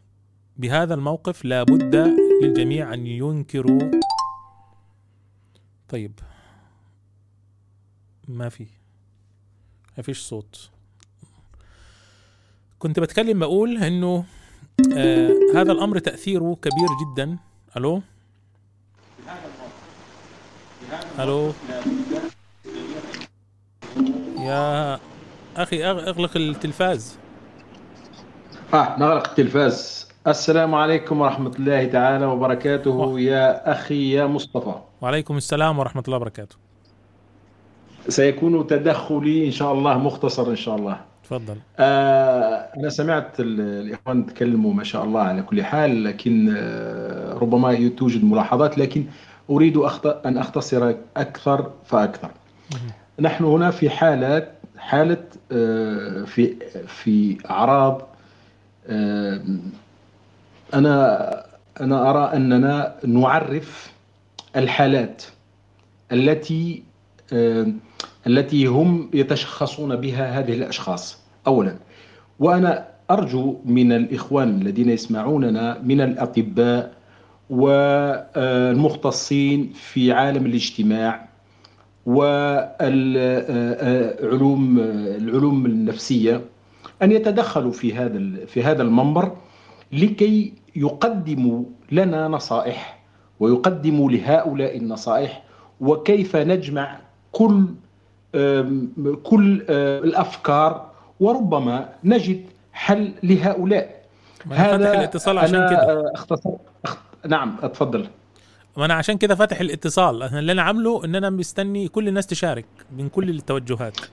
أنا أنا أرجو أنا أرجو أصحاب الاختصاص هم اللي يقدروا يفيدونا يفيدونا أكثر لأننا إحنا نتكلموا إحنا نشوفوا حالات في الخارج. ربما يوجد الأخ الذي تدخل وقال من السعودية قال آه، آه، آه، في البلاد العربية هذا ليس بخطر بل هو الكارثة الكبرى أنه يوجد في البلاد العربية.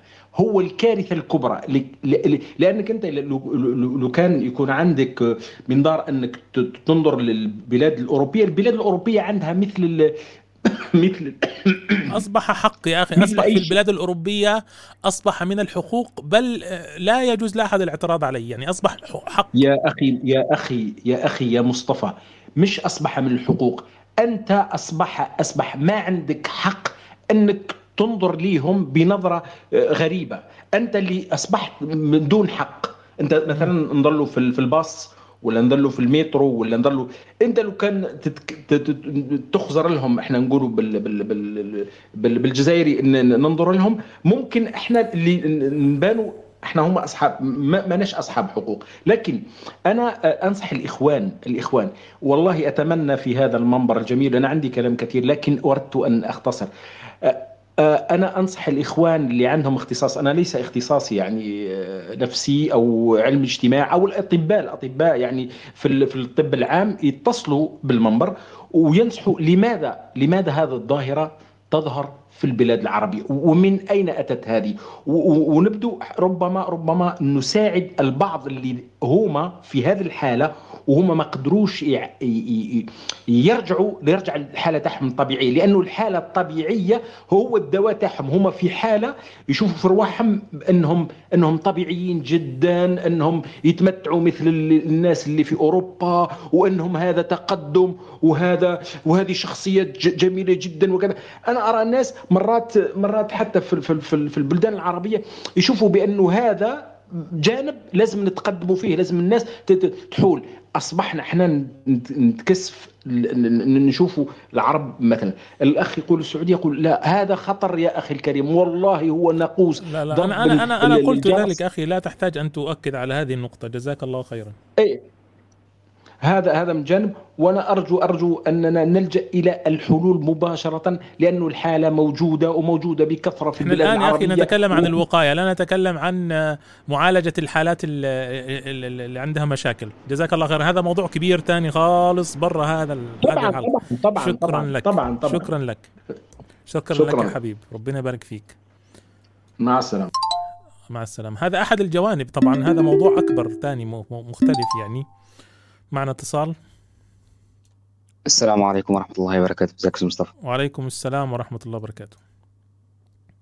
آه، بالنسبة للموضوع دوت يعني ربنا يسلمنا ويسلم المسلمين أجمعين إن شاء الله. آه، ولكن كما قال يعني معظمهم قالوا إن يعني الموضوع يخالف الفطرة. ولكن لن أقول بأنه يخالف فطرة إنسان. فانظر إلى حيوان كالحمار مثلا. الحمار إن مر أمامه حمار لا يلتفت إن مر أمامه حمارة يلتفت إليها. فانظر لفطرة ال- الحيوان فهؤلاء فطرتهم يعني أدنس وأقذر من فطرة يعني انظر إلى فطرة الحيوان لا تنظر إلى فطرة الإنسان فانظر إلى فطرة الحيوان. ومع ذلك دين دين طب أضحكك أضحكك معلش.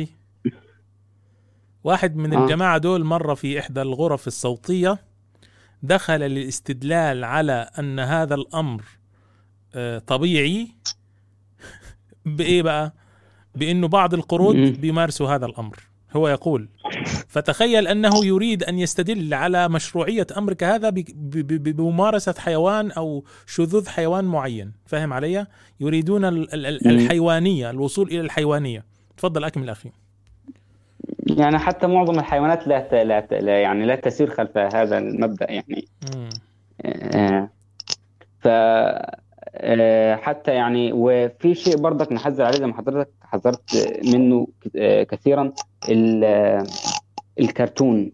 إحنا بنترك أطفالنا أمام الأفلام الكرتون أو التليفون مفتوح. على فكرة اليوتيوب كيدز آه، لو أنت جبت لابنك تابلت آه، بيبقى محدد بيبقى هو خاص بالأطفال أنت تحدد له الحاجة اللي يشوفها دي أحسن من التليفون التلفزيون لأن التلفزيون بقى للأسف معظم حتى هذا حاجات يحتاج دي. إلى رقابة شديدة لأنه في أم وأب كانوا آه، قالوا أنهم بيطلعوا لهم إعلانات قذرة بالمناسبة يعني مم. يعني لازم للأسف. ما, ما فيش حاجة اسمها ما فيش حاجة آمنة لابد من المراقبة الشديدة و- و- وال- والمتابعة يعني ما ينفعش إنك تقول إنه خلاص كده وللأسف، آه التليفون آمن يعني آه، ربنا يسلم على المسلمين أجمعين رب. جزاك الله الناس خير غير- شكرا لك أخي الكريم. شكرا لك. شكرا الأخ الكريم. بارك الله فيكم. ألو؟ ألو؟ طيب. للأسف الشديد خلاص كده إحنا تقريبا أخذنا كل الاتصالات ال طيب معنا اتصال. ألو؟ ألو؟ ألو السلام عليكم. وعليكم السلام ورحمة الله وبركاته. آه، أنا لدي رأي أظن أنه علينا تعزيز الفطرة لدى الأطفال بذكر مصطلحات بشعة بقدر بشاعة العمل. مم. أنت معي يا أخ مصطفى؟ أنا معاك كمل. نعم.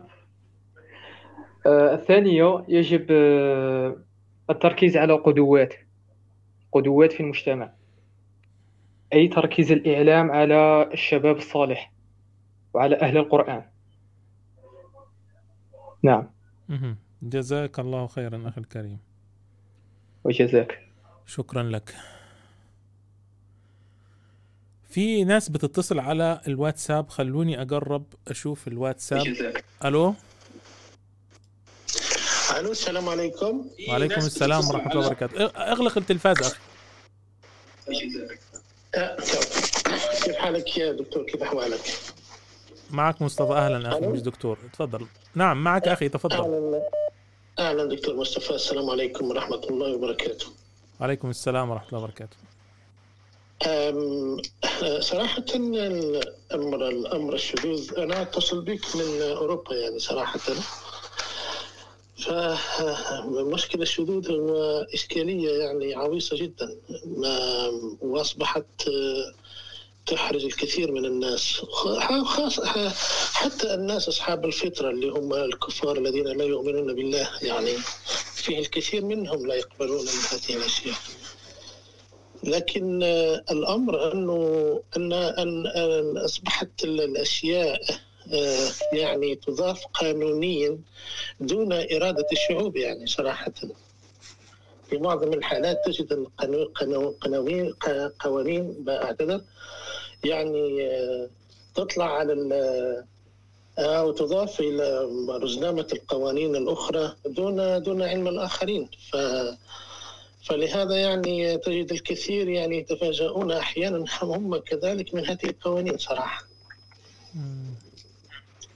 فبالنسبة بالنسبة لنا إحنا كمسلمين إحنا المسلمين آه، هي عملية آه، آه، هذه بقى أسميها أنا عملية الإحصائيات اللي بتقوم بها أي دولة تجاه المسلمين. يعني مثلا أعطيك مثال يعني سب الرسول صلى الله عليه وسلم في كثير من الحالات آه، ليس فقط آه، هو تعمدا ليس يعني آه، ليس يعني من أجل سب الرسول بحد ذاته ولكن من أجل رعف معرفة آه، آه، ردة الفعل المسلمين حول العالم.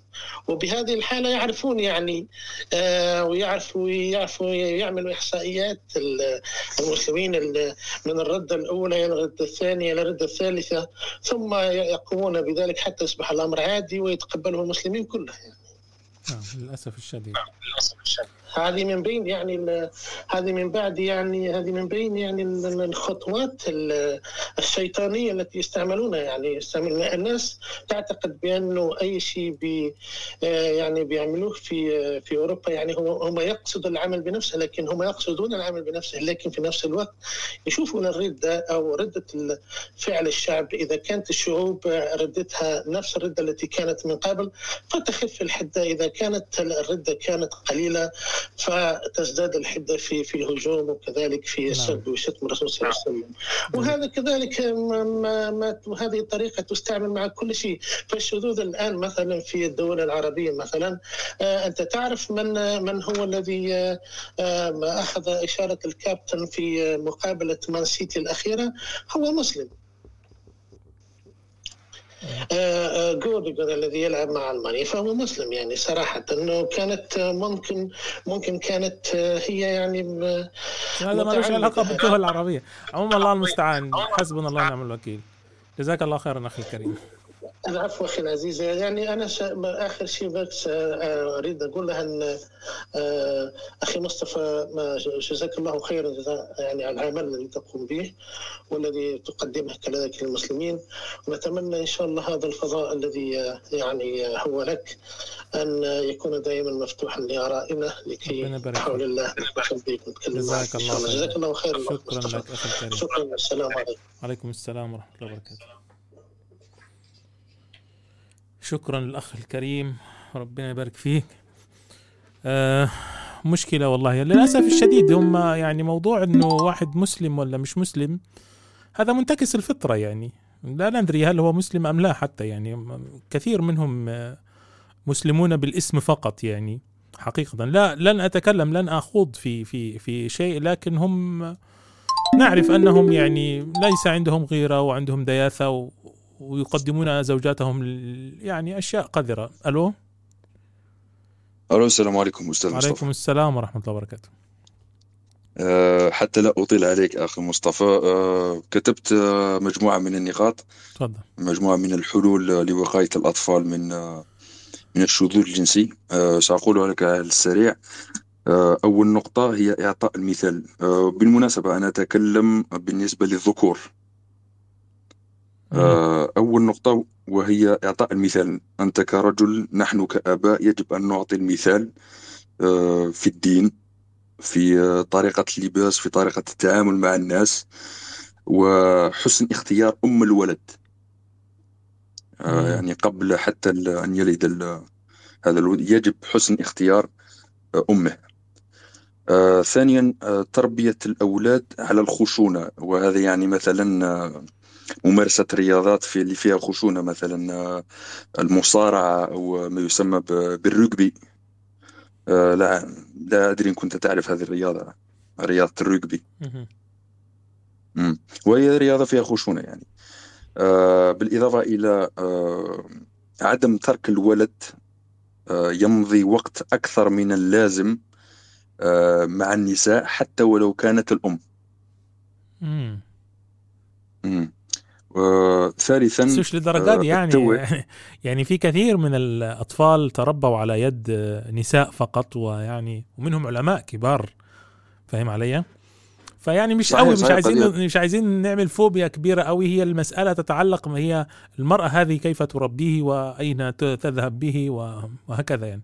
تفضل. صحيح وهذا يعني آه هذا رأيي يعني آه، قد نعم لا هو لا بد من تعريض الطفل لل- للرجال والأطفال للذكور مثله وكذا. آه يعني نعم. لكن موضوع إنه آه. يعني فاهم علي؟ عشان حتى لا يفهم الكلام يعني آه، خطأ. نعم.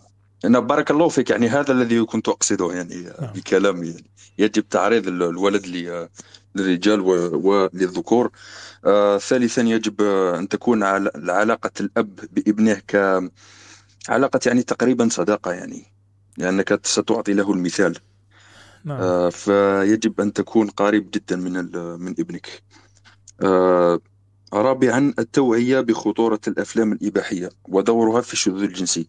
مم. تعرف آه، أخي مصطفى آه، تفرجت على كثير من الفيديوهات آه، لمدمنين سابقين. هم غربيين أقول لها هم أوروبيين أو أمريكان ويتكلمون عن هذا. بعضهم كث وكثير يعني بالمناسبة كثير منهم. يقولون أصبحت حتى أشاهد يعني أفلام إباحية شذوذية إذا صح التعبير. آه، ف...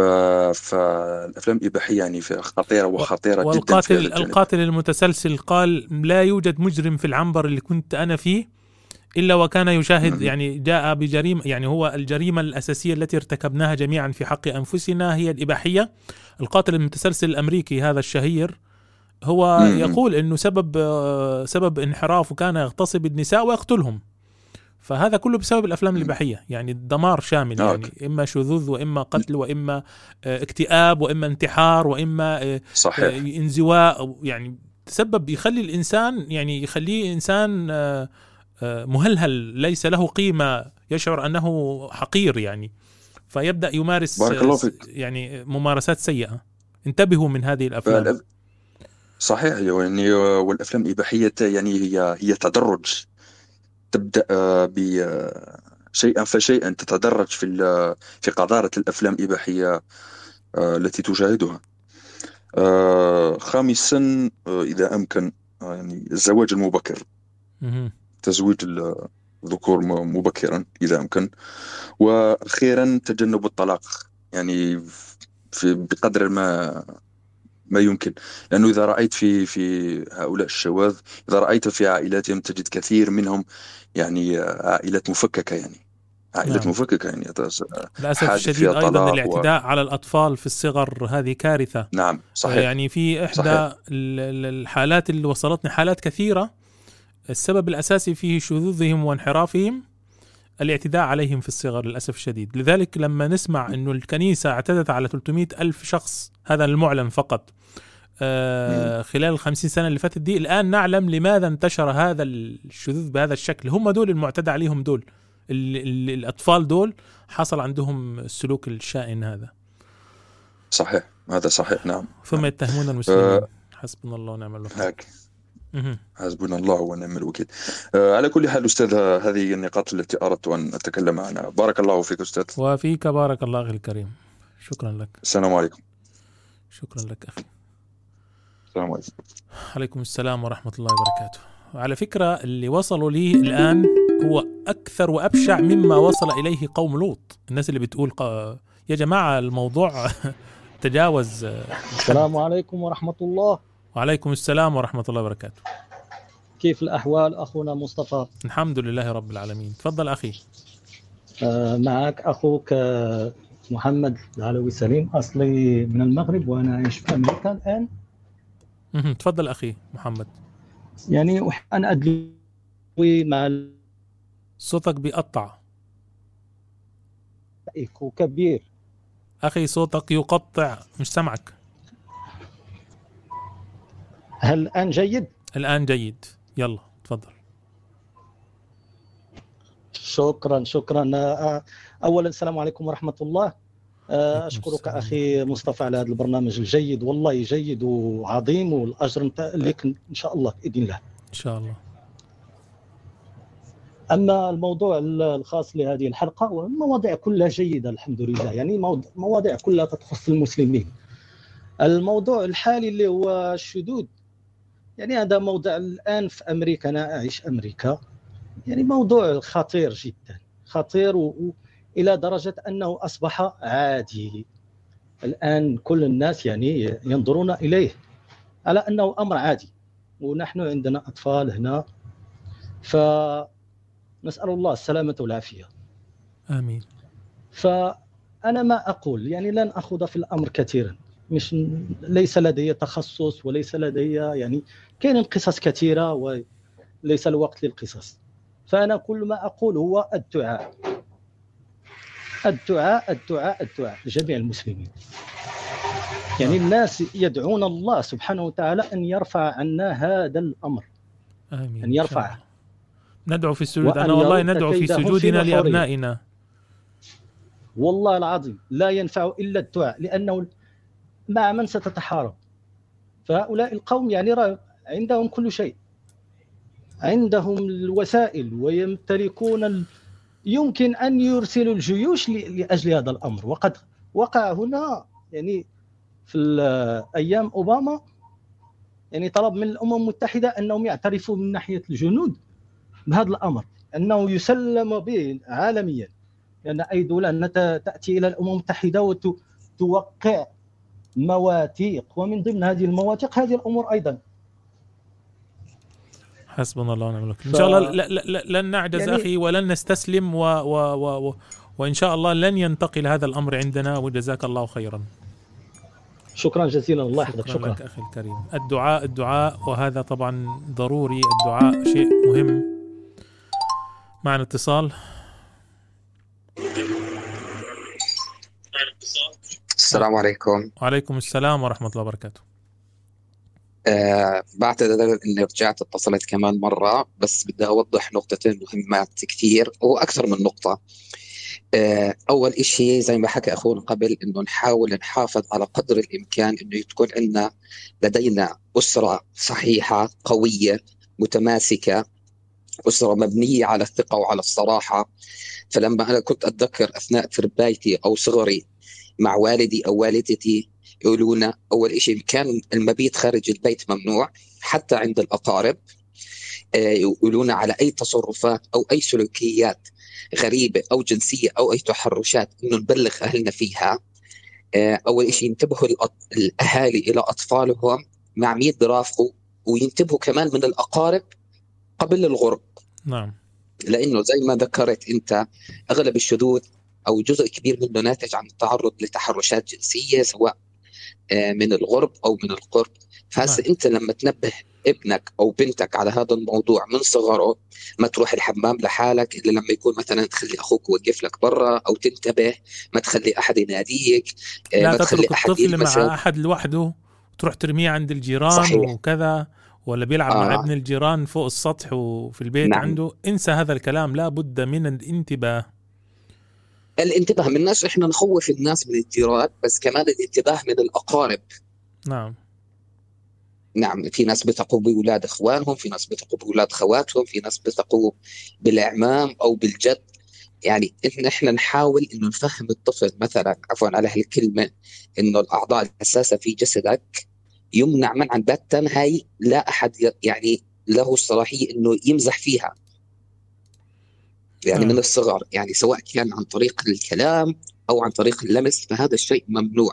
وفي حال الطفل إن فهمه كمان إنه تكون ردة فعل الأهل ما تكون بمنطق إنه كثير إنها صارمة إنه يصير الطفل يخاف إذا تعرض لهي الأشياء. لأنه أغلب الأطفال اللي بيتعرضوا للتحرش بيتعرضوا أكثر من مرة بعدين بيكتشفوا الأهل. اللي بيكونوا فترتهم متعرضين للتحرش وكمان مخوفين بيكون الشخص مهددهم. فإحنا لا بدنا نعزز ثقة الطفل. هي أهم شيء هي نصيحة نصيحة نصيحة لكل شخص عنده أطفال. عززوا ثقة أطفالكم. البنت مع إمها البنت مع أبوها كمان الولد مع الطفل الولد مع أبوه الولد مع إمه إنه تتعزز الثقة تبعتهم. في حال إنهم يتعرضوا لأي شيء يبلغوا الأهل فيه من دون خوف. لأنه مشكلتنا إحنا كمان في هاي الأمور سواء إنه تعرض الطفل الطفل بخاف ويتردد إنه يبلغ أهله وفي حال كمان الأهل عرفوا يخافوا من الفضيحة أو بخافوا إنهم يتر... يبلغوا على هذا الشخص الثاني. لا لازم آه، إحنا نوعي الأهالي ونوعي الأطفال في الموضوع هذا وبالنسبة لما نترك الطفل يتربى على غريزة صحيحة ما بنخاف عليه من من اللي حواليه. فأنا أهم شيء إنه التأسيس على الأسرة نعم، والتاسيس على الطفل. بنفسه.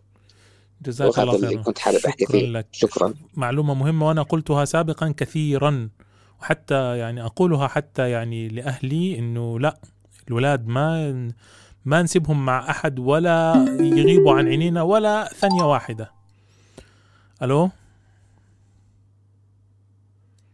ألو؟ انقطع الاتصال. طيب أنا أعتقد إحنا كده يعني أنا بصراحة عاوز أختم. عاوز أختم يا جماعة. ألو معنا اتصال أخير؟ السلام عليكم ورحمة الله وبركاته. وعليكم السلام ورحمة الله وبركاته. حياك الله أخ مصطفى وجزاك الله خير ونفع الله بك. آمين وإياكم. تفضل أخي. آه معك أبو أنس من السودان لكن مقيم في أمريكا.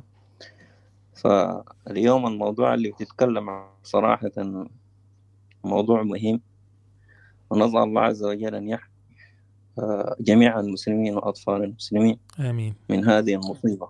آمين. آه، أنا أتكلم تعرف أمريكا سبحان الله هي يعني يقول الشيطان الأكبر في هذه الأمور. ف يعني سبحان الله. لحظة. تفضل أخي. سبحان الله هذا الموضوع يعني أنا أتكلم هنا نحن نشوف في الشغل أعوذ بالله يعني يعني شيء مغزل يا مصطفى. تعرف يعني سبحان الله تحصل اليوم ال- آه، آه، الواحد رجل بعد شهر تحصله صار صار مرأة يعني والعياذ بالله. بالله. هذا شيء شيء شيء طبيعي يعني هذا يعني كأنه سبحان الله.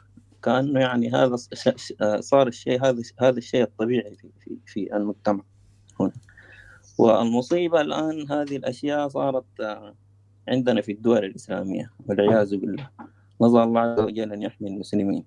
والمصيبة الأكبر بحصل عندنا من من المسلمين من يدعو لهذه الأشياء. كبر مقتا عند الله أن يقول ذلك العياذ بالله. يعني نحن حصل عندنا أذكر في ف- فأنا عندي نقطة أحب أوضحها فقط. نحن يجب أن نسمي الأسماء باسمها. يعني أطفالنا يجب أن نفهمهم. نحن كفي الغرب نقول يا, يا ابني هذا لا اسمه شيء ما اسمه مثلي. بس المشكلة أخي. المشكلة المشكلة إنك هتعلمه هتعلمه الصح. هي في الغرب بيجيب لك المتاعب. يعني على سبيل المثال أنتم عندكم الآن قانون في الكونغرس الأمريكي بيجرم أن تنادي شخص آه، اختار لنفسه جنسا آخر ب- ب- ب- ب- هي أو شي ومش عارف إيه. يعني عندكم حماية رهيبة وعندكم ممنوع الاعتراض على هذا الأمر. فكيف أنت تعلمه؟ وبعدين هو لما يمارس هذا الأمر يجد صعوبات وقد يؤذى وقد يسحب وقد يعني يختطف منك أنت شخصيا. آه، آه، صحيح صحيح. لا تعرف الحين كمان الآن في في وقت هذا الديمقراطيين هم طبعا دعاة الحرية وكذا فالآن أمريكا صدر أول جواز في أمريكا صدر الشهر اللي م- اللي فات في تاريخ أمريكا يعني مو مو مذكور فيه الجنس وهذا جنس وهذا؟ القانون صدر أيضا. أخي أخي وصلني الآن أي. خبر الآن وأنا أتكلم نعم. معك وصلني إزالة الجنس من بطاقة الهوية الوطنية في دوله هذه دولة إيش هذه في منين أو تقريبا والله أعلم هذا ال- الكلام. BE BE ده اختصار إيه؟ بلجيكا؟ Belgium B BE خلاص. ممكن ما أدري. والله. طيب يعني في في بلجيكا تقريبا ف- والله أعلم. يعني نعم نعم. المصيبة يا أخ مصطفى نحن نعيش في في في عصر تفجر الشهوات. أي أيوة والله يسمي هذا العصر هو عصر تفجر الشهوات. ويا حبذا لو كانت الش... يعني تفجر الشهوات هذا يعني لو كان بالطريق الصحيح يعني. والعياذ بالله هذا انتكاس للفطرة نعم. الله عز وجل عندما يعني أهلك قوم لوط سبحان الله ربنا سبحانه وتعالى سماهم بكل الأسماء فأولئك هم العادون. يعني سبحان بس الله. أخي أخي أخي ومفسدون الموجودين حاليا والله يعني أعوذ بالله أن ان أن نهون من قوم لوط وهم مجرمون وهم ارتكبوا الفاحشة. والله يا أخي ما يعني ما أشوفهم الموجودين حاليا يعني تخطوا هذه الحدود يا أخي. كانوا كانوا يأتون الذكران يا أخي. كانوا يبحثون رجل عن رجل. الآن الموضوع تجاوز الحدود أخي. أصبح ال جي بي تي كيو ار اس تي اف كده آه، مسميات. صهي- إيه، رهيبة وأجناس رهيبة يعني. هذا سبحان الله هذا آخر الزمان أخ مصطفى. يسمون ال- الحرام بغير اسمه. حتى ال- الم... ال- يعني وربنا سبحانه وتعالى يوم ذكر في القرآن قال لا تتبعوا خطوات الشيطان فهذه كلها خطوات الشيطان وخطوة الخطوة الشيطان لا يقول. للناس افعل كذا ولكن سبحان الله وكل خطوة والسيئة تجر ما قبلها وهذه الأشياء سبحان الله في ال ال ال الآن إذا لو ما كل المسلمين والدول العربية والإسلامية على وجه الخصوص يعني قاموا ويقفوا ضد هذا الشيء سوف يصبح طبيعي. الله العافية. كما هنا هنا الآن تاريخ أوروبا وأمريكا لم يكن هذا شيء يعني كان مجرم كان كانوا. يحرقونهم أخي عندكم. أيوة مجرم. سبحان الله. لكن سبحان الله يعني أيوه مع. سبحان الله مع الأيام ربنا سبحانه وتعالى زي ما لا ربنا سبحانه وتعالى في في محكم التنزيل يقول لا تتبعوا خطوات الشيطان. فهذه هي سبحان الله كما هم يتبعوا خطوات الشيطان ونحن كذلك هناك سبحان الله بعض المسلمين ويعني يتسمون باسم المسلمين ينادوا بهذه الأشياء والعياذ بالله. حسبنا الله نسال الله. عز وجل أن يحمي حسب الله ونعم الوكيل. نسال الله أن يحمينا ويحمي بلاد المسلمين ويحمي أطفالنا وأطفال المسلمين إن شاء الله آمين. من هذه الخبائث. آمين. جزاك الله جزاك الله خير. أخي وإياكم. أخي. شكرا لك. السلام عليكم ورحمة عليكم الله السلام ورحمة الله في وبركاته أمان الله. في أمان الله. طيب معنا اتصال. ألو؟ طيب ما في صوت. الله المستعان. ألو؟ ألو؟ السلام عليكم. عليكم السلام ورحمة الله وبركاته. آه أنا اسمي همام آه طبيب في السويد. بس حابب تعمل مداخلة سريعة أعرف إنه أنت ناوي تختم. تفضل أخي لا. آه حاب أحكي عن هالموضوع. بالنسبة للشذوذ إذا أنا يعني مو شيخ آه فراح أحكيها من منطلق طبي وممكن أعطي نصائح ممكن تفيد الناس بالمستقبل مهم. ال- ال- الحالة الشذوذ أول ما تظهر على الإنسان سببها هو الانغماس الزائد في الشهوات يعني كيف؟ يعني تقدر تتخيلها مثل مدمن المخدرات مثلا لما يتعلم على جرعة معينة ما بعد يشعر بال... بال... بالنشوة والسعادة اللي يشعرها بالعادة فيطلب أشياء أزيد. فهالشيء يؤدي إلى أنه ال- الموضوع يزيد عن حده؟ نفس الشيء موضوع الشذوذ. الشخص أول ما يبدي ينغمس بالشهوات تبدي هالأمور ما تشبع رغباته. فيبدي يبحث عن أشياء أزيد وأزيد وخارج عن الطبيعي. وهالشيء يؤدي إلى الشذوذ فالمطلوب خاصة لل- لل- لل- للعرب أو المسلمين المقيمين بالغرب. أهم شيء أهم شيء يراقبون الأطفال ويراقبون سلوكهم. ثاني شيء ردة الفعل ردة فعل الأهل. لما الطفل يطرح هك- هكذا مواضيع أمامهم. يعني مثلا إذا الطفل تكلم حول هذا الموضوع وشاف الأهل أو الأب أو الأم بسبب أنه الوضع بالغ- بالغرب وأنه هالأشياء مسموحة وما يقدرون ينكروها. فأحيانا ال ال ال ال الأهالي ما يبدون ردة فعل صارمة تجاه الموضوع خوفا من الدولة والأمور وال- والقوانين. صحيح. ده اللي كنت بتكلم فيه من شوية. فالطفل بالضبط فالطفل يستسهل الحرام لأنه أول ما ينظر الطفل ينظر إلى أهله. أول شيء. سواء كان يروح للمدرسة أو يرجع بكل الحالات راح يرجع يحكي أشياء مع والد مع والده أو والدته فيشوف ردة فعلهم. إذا استسهلوا الحرام ومع الأسف هالشيء يصير وأنا شايفه كثير إنه الأهالي بسبب خوفهم من الدولة ما يبدون ردة فعل إسلامي ما يستصعبون الأمر ما ينهون عنه بشدة. ممكن ياخذها بضحكة ممكن يقول آه أوكي هالشيء حرام. ويغير الموضوع. بأم- يعني يكون رد بسيط وممكن يكون حتى سخيف. فالطفل ما يجد الشيء الرهبة أو الخوف من هالشيء. ما ما ما يستحرمه بشدة. فشوي شوي ومع الوقت ومع الانحلال الموجود ومع مع الأسف التعليم المدرسي خاصة بالغرب اللي يدعو بشدة للشذوذ.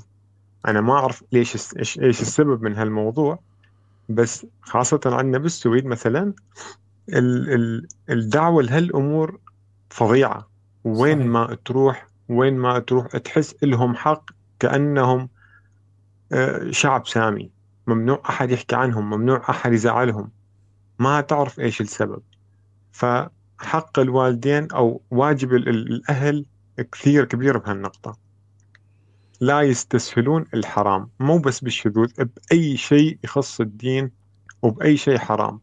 الحرام أبدي رأي شديد وصارم إنه هالشيء حرام. أنهي عنه أبدي غضب أعبر بتفاصيل بطريقة الكلام أو بتفاصيل الوجه عن غضب شديد. حتى الطفل يهاب من هالشيء ويخاف وتن... ومع مع نموه تنمو عنده فكرة إنه هالشيء حرام وهالشيء ما يجوز. بس حبيت أدخل أعمل هالمداخلة السريعة. جزاك الله خير. أنا مداخلة يعني قيمة. ليتك تداخلت من بداية الحلقة. عشان الناس تسمعها. ال- المداخلة دي مهمة جدا يعني. آه، خصوصا فيما يتعلق بال- ب- بالأسرة في الغرب التي تخاف من الإنكار وتعليم الطفل هذا الموضوع بشكل واضح. خوفا من كما قلت أنت القوانين والدولة وال والمدرسة أصبح الأمر آه، مزعج صحيح. جدا وصعب يعني صراحة. وعلى فكرة هم فعلا يعني برضو خايفين للأسف. لكن طيب وبعدين؟ آه، بتسيبوا ابنكم يروح إلى هذا التيار ويصير يؤيده ويدافع عنه ويحامي عنه حتى يطلع لنا واحد في المستقبل. آه، يجي عندنا الدول العربية يقول هذا شيء طبيعي خلقنا كذا. بنشوف الآن للأسف. فوالله بالضبط آه، معضلة صعبة ولما خلي ولما بالك يشوفون آه، أغلب الأحيان الأب أو الأم يعني يخرجون خارج المنزل مع أولادهم فالمفروض لما يشوفون حالات مثل شذوذ أو أي شيء حرام مو بس شذوذ يقعد مع طفله بسيارة لما يكون على الطريق بالباص يحكي له له. بشيء ديني يشرح زي له زي أبو تريكة ما. عمل على فكرة أبو تريكة عمل كده لما بنته سألته أنا ما شفت الصراحة ال- أصلا ال- سبب الحلقة التعليق. هذه مع- لاعب الكرة المصري أبو تريكة. آه، بنته شافت آه، لاعب آه، في مباراة حاطط شارة وعليها هذا العلم.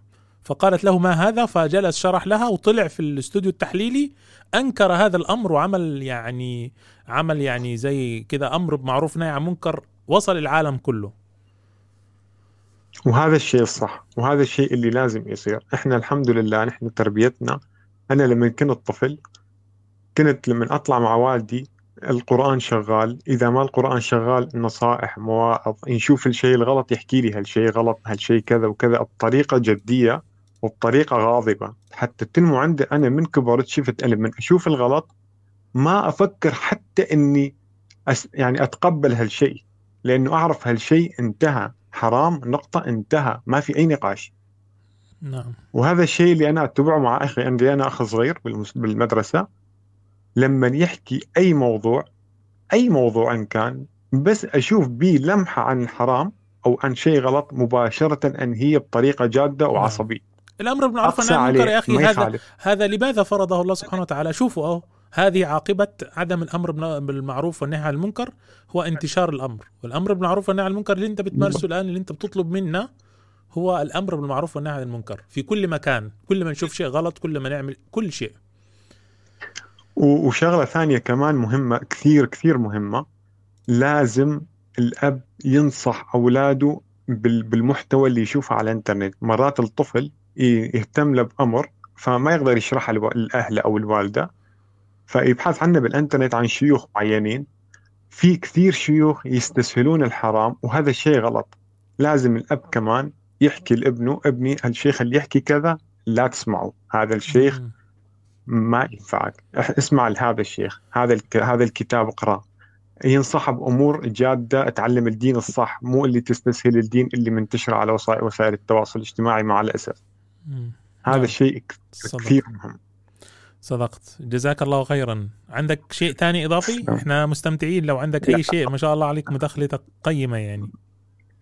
والله أنا أتابع دائما حاولت أعمل مداخلات كثير بس آه، ما صح لي وقت. يلا. لأنه شوي معلش بقى الاتصالات كثيرة ان الناس كثير واقفين على الطابور الآن وزعلانين يعني. ما حدش يزعل مننا يا جماعة لما يحاول يشارك وما يشبك مع الخط صدقوني. الصلاة الصلاة. الصلاة الصلاة. نعم. أي أهم شيء. نعم. هذه كانت وصية النبي صلى الله عليه وسلم قبل موته وما ملكت أيمانكم. جزاك الله خيرا أخي الكريم. تسلم. شكرا. مع السلامة. عليكم السلام ورحمة الله وبركاته.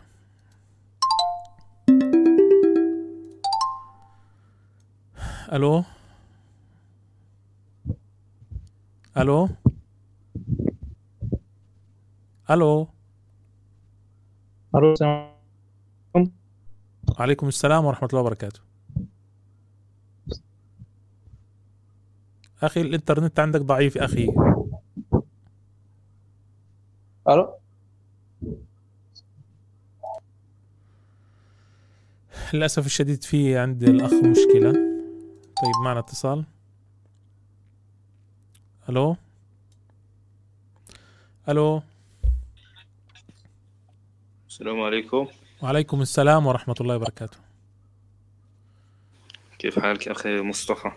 الحمد لله. تفضل أخي. آه بالنسبة لموضوع الشذوذ هذا في الحقيقة أول حل يمكن أن نعتمد عليه هو المشهور والمعروف ألا وهو الوقت خير من العلاج. لا بد من أن نتقي مثل هذه الأمور منذ الصغر. هو هذا هو موضوع الحلقة أخي. إحنا مش جايين إحنا مش بنتكلم على العلاج علاج الأشخاص المصابين. لا إحنا بنتكلم كيف نحمي أطفالنا من هذا الأمر. مش مش علاج الشخص المصاب هذا مش عارف الناس فهمت غلط الحلقة على فكرة. تفضل. لا طبعا لابد من الوقاية هي الأساس. والوقاية يعني هناك الطرق الوقائية العامة مثل مثلا آه، أننا نعلم أطفالنا آه، القرآن ونعلمهم قصة لوط ونعلمهم هذه الأمور. كذلك نبين لهم أن الشرع والشريعة الإسلامية لا ترضى مثل هذه التصرفات حتى وإن كانت في في قالب جميل وفني أو ما شابه ذلك. فيجب نعم. أن نعلمهم أن هذه الأمور أن هذه الأمور أمور محرمة ومشبوهة ويعني تخالف فطرة الإنسان. صدقت. كذلك أيضا يجب أن نتبع بعض الوسائل يعني الثانوية مثل مثل عدم الحرص على عدم مشاهدة الذين يروجون إلى مثل هذه الأفكار. مثل المسلسلات والشركات أو العلامات التجارية أو جميع هذه ال- ال- المشاهير الذين. يروجون لهذا الشذوذ يجب أن نبعد أطفالنا عنهم ونبين لهم حتى وإن يعني حتى وإن اتصلوا أو رأوا مثل هذه الأمور فيكون يكون لديهم معرفة مسبقة على أن هذه الأشياء أشياء يعني مكرهة وأشياء قبيحة صدقت. الحمد لله على الأقل في في بلدان العربية والإسلامية هذا الموضوع يعني آه، الشارع يرفضه يعني رفضا تاما يعني. هناك بعض القلة للأسف تظهر لأنه يريدون لها أن تظهر ولذلك يعني قد يستكثرها البعض لأنها تظهر ولكن هي في الحقيقة قلة أقلية والحمد لله الأمر ما زال مستنكر أخي والحمد لله رب العالمين وهذه نعمة من الله. جزاك لله. الله خيرا. الحمد لله. شكرا الحمد لك. لله. شكرا لك أخي. ولكن في نعم شكرا. شكرا لك. أنا عاوز أختم بس مش راضي أختم إلا ل- لما أخذ كل المشاركات. يعني أنا الموضوع ده مهم والناس على فكرة عندها استعداد تبذل وقت طويل في سماعه. فأنا ألو؟ السلام عليكم ورحمة الله وبركاته. وعليكم السلام ورحمة الله وبركاته. والله أنا بقول لك هذا هذا الموضوع بالنسبة لهذا الموضوع هو مهم سواء في بلداننا العربية أو في البلدان الغربية. هذا الموضوع يجب على يجب على الآباء على الآباء على الآباء أن يتنبهون لهذا الأمر كما تنبه هذا أبو تريكة الأمر ابنته نعم. يعني يكون مثل هذا فهمتني كيف؟ وإن هذه هذه الظاهرة موجودة. أنا أنا اذكر أذكر يعني في عام حول عام 2007 أو 2008 هذا يعني هذاك الأيام. يعني وأنا بال- بالخط بالشارع ها؟ فوجئت فوجئت ورأيت يعني سبعة من أصدقائي ها؟ سبعة من أصدقائي ها؟ يعني يتعاملون مع واحد. والعياذ بالله. بالله. ف فقمت أنا صحت عليهم صحت عليهم مباشرة تفرغوا. المسألة وما فيها هذه هذه هي ظاهرة موجودة في كل مكان. وانه يجب على الآباء مراقبة أبنائهم. وانه وبعضهم إحنا بنتكلم يعني يعني إحنا بنتكلم اسمع إحنا بنتكلم على الترويج لهذا الأمر عبر ال- الرياضة وعبر الألعاب أيوة. وعبر ال- ال- أيوة الشوارع. و و و فإحنا بنتكلم الآن إنه الأمر أصبح ليس مجرد انه واحد بيمارس آه، الفاحشة أو كذا وبتحصل وهذه موجودة على. فكرة وموجودة في كل المجتمعات الفكرة في الترويج لهذا الأمر وتسويقه وجعله طبيعيا هذا هي الفكرة الأساسية فاهم علي؟ بقول لك صحيح فاهم عليك بس أنا بقول لك يعني بالنسبة لهذه الظاهرة ومراقبة يعني اسمه مراقبة الأبناء صارت لازم واجبه إن الواحد يراقب أبنائه ويشوف ماذا نعم. يفعلون حتى لو. اضطر الأمر يتجسس على على هاتفه لو اضطر الأمر يتجسس على هاتفه. نعم جزاك الله خيرا أخي شكرا لك. والله يبارك فيك الله يحييك. وفيك بارك الله. شكرا للأخ الكريم. ألو؟ ألو؟ ألو السلام عليكم. عليكم السلام ورحمة الله وبركاته. تفضل أخي. معك ياسين أبو خصوان من مدينة غزة. يا أهلا أخي. حياك الله. أه، صراحة يعني الموضوع اللي أنا تو يعني لسه بفتح ال- ال- اليوتيوب وشفت الإشعار تبع الحلقة. صراحة أنا ما تابعتش يعني كلام أبو تريكة لأنه يعني إحنا متعودين يعني على أبو تريكة يعني وتصريحاته يعني وسبحان الله هذا الأمر ينم عن فطرة سليمة يعني. نعم. مع ما عانى يعني هذا اللاعب. آه، الا انه بعض الأمور اللي أنا بدي أتكلم فيها في قضية إنه كيف إحنا نحسن ح- نفس نفسنا يعني ونحسن مجتمعاتنا. صحيح. يعني كل انسان كل إنسان الحاضنة الأولى والبيئة الأولى اللي هي الأسرة. فبحتاج إنه قضية التوعية. آه، شغلة ثانية الأب بيحتاج إنه آه، يدور أولاده مع مين بيمشوا يعني آه، الصحبه الصحبه يعني أمرها خطير جدا جدا. لأنه آه، معظم هذه الأمور بتلاقيها من الأصحاب ال- ال- أصحاب السوء. هم اللي بيزينوا هذا الأمر. آه، وهم اللي بينموه عند الشباب يعني خاصة. ويعني الأمثلة هذه في القرآن يعني ضربت كثيرا يعني في قضية آه، أصحاب السوء. آه، قضية أخرى كمان آه، إنه ال- الإنسان آه، ما ينجرش وراء ال- الأمور الموجودة في الإنترنت. يعني الإنترنت فيه المتردية والنطيحة وفيه كل الأمور. فقضية إنه الإنسان يركز على ما ينفع في الإنترنت. الإنترنت يعني سلاح ذو حدين. يعني أحيانا بعض الأمور بتظهر لك وأنت ما بدك إياها. آه، لحالها بتظهر لك على على الأمور اللي- يعني زي ما تفتح مثلا فيديو على اليوتيوب بتلاقيه ما- أحيانا آه، بيقترح لك فيديوهات أنت سبحان الله ما بتخطر على بالك. لكن هذا الأمر هو اللي هم حابين إنه يعني يطلع لا. تسترسل في في المشاهدة وتوقف يعني. خلي. لنفسك حد وخلي لنفسك وقت محدد يعني. نعم صحيح. فيعني هذا الأمر بيحتاج إنه التوعية وقضية الإنسان خاصة يعني إحنا مجتمعاتنا آه، ال- ال- الإنسان خاصة إحنا مجتمعاتنا العربية الحمد لله يعني الفطر السليمة وال- والمجتمعات ترفض هذه يعني الأمور بشدة. إلا إنه إحنا يعني ما بدنا إنه في يوم من الأيام يكون عندنا يعني شباب يتأثروا باللي يروج في في, في العالم. يعني يعني تابعت مكالمة الأخ اللي من السويد يعني صراحة هناك الأمور صعبة جدا يعني خاصة في الدول الأوروبية وكذا هذه الأمور يعني هناك هذول الناس لهم حصانة ولهم ترخيص ولهم كذا ما حدا بيقدر مجرد إنه يتنفس يعني أنت عليهم مش بكلمة واحدة تعلم. أطفالك يا أخي بص إحنا هو ما احد ما أحد بيعمل شيء هو أنت ممنوع عليك تعلم طفلك أصلا إن هذه الأشياء غلط فاهم علي مش فقط إنك تروح نعم. تتكلم على واحد ولا كذا مم.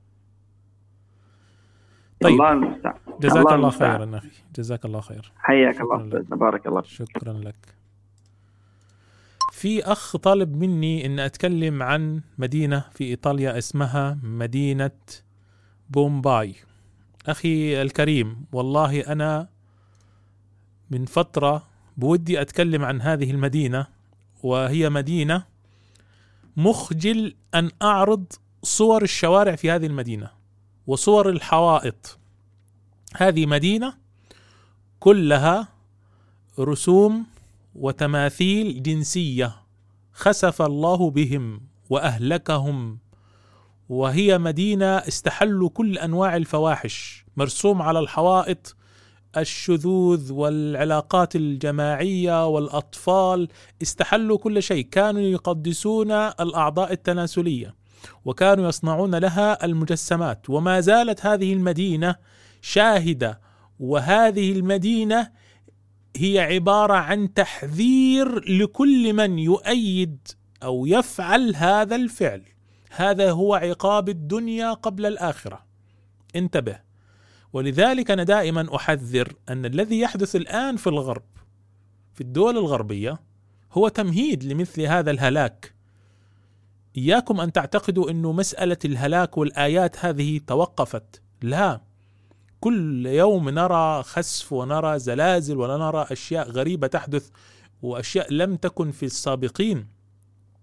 فلذلك أنا أقول خلال العشرة عشرين سنة اللي فاتوا دول كل هذه وكل هذا الانحدار وكل هذه التحذيرات هي ما هي إلا تمهيد لوقوع الشيء الأكبر والأخطر. فأنا محرج أتكلم عنها. والله أنا مكسوف أتكلم عنها. مدينة بومباي هذه. يعني منظر قذر جدا. لا أستطيع أن أعرض أي صور. ألو؟ السلام عليكم. وعليكم السلام ورحمة الله وبركاته. بارك الله فيك يا شيخ على الحلقة ارفع صوتك أخي. ألو السلام عليكم. سامعني؟ سمعك تفضل تفضل. بارك الله فيك على الحلقة. وصراحة مش عارف أنا من وين بدي أنا عايش في, في أوروبا. وبدالك يعني من العلماء العلماء في السعودية كلهم في الحبس.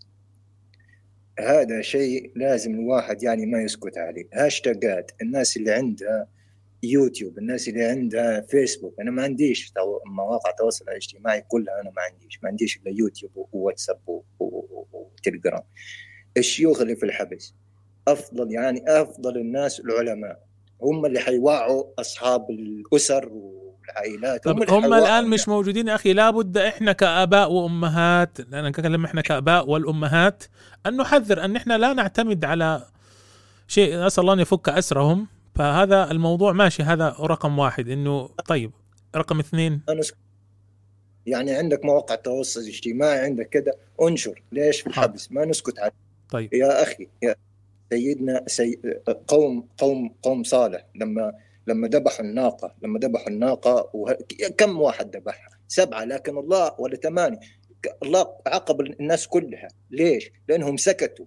فالسكوت هو المشكلة. ما تقولش أنا كويس أنا كذا. السكوت هو المشكلة. جزاك الله خير. خطير استنى بس. خليني أحكي اللي في قلبي لأنه صراحة أنا متغلغل على الكلام اللي بيصير في الدول العربية. ما تقولش إحنا مش عندنا لا عندنا عندنا. وفي مجموعة مجموعة في أوروبا من ست سنين فاتوا بيلموا شباب بالفلوس شباب صغيرة م- بدهم يتوجهوا للشرق الأوسط. يعني هي حرب هي حرب على المسلمين وعلى الفطرة وعلى الأخلاق لأنه هم عارفين إنه ديننا لما نتمسك بديننا هم مش مش حيعمل مش حيأتوا يعني. فهم بيحاربونا في مواقع التواصل الاجتماعي. فإحنا لازم نحاربهم كمان في مواقع التواصل الاجتماعي. آه، الشخص اللي هو عنده أسرة التلفزيون النقال يعني أحكي لك عن تجربة خاصة. أبوي إحنا وإحنا صغار كسر التلفزيون وجاب لنا كمبيوتر. التلفزيون لما تتفرج على مسلسل إيش حتستفيد منه؟ النتفليكس هذا إيش حتستفيد منه؟ الألعاب تبع ال game اللي بتنشر. الألعاب للصغار بتنشر الشذوذ وبتنشر كذا. بعدين أقعد تقول ليش؟ لا سكر الباب اللي بيجيك منه الريح سده واستريح أنا أبوي كسر التلفزيون وجاب لنا كمبيوتر. أخوتي كلهم طلعنا دكاترة واللي مهندس وكله هيك. الحمد لله. فهو الفكرة إنه إحنا نستهين بالأمور. لا ما تستهين. وقف ابنك وقف بنتك تعالي واحد اثنين احكي احكي لابنك. ما تعاقبه. الرسول عليه الصلاة والسلام إيش بيقول؟ ربه في سبع وعلمه في سبع وصاحبه في سبع. يعني ثم اطلق الحبل على الغارب.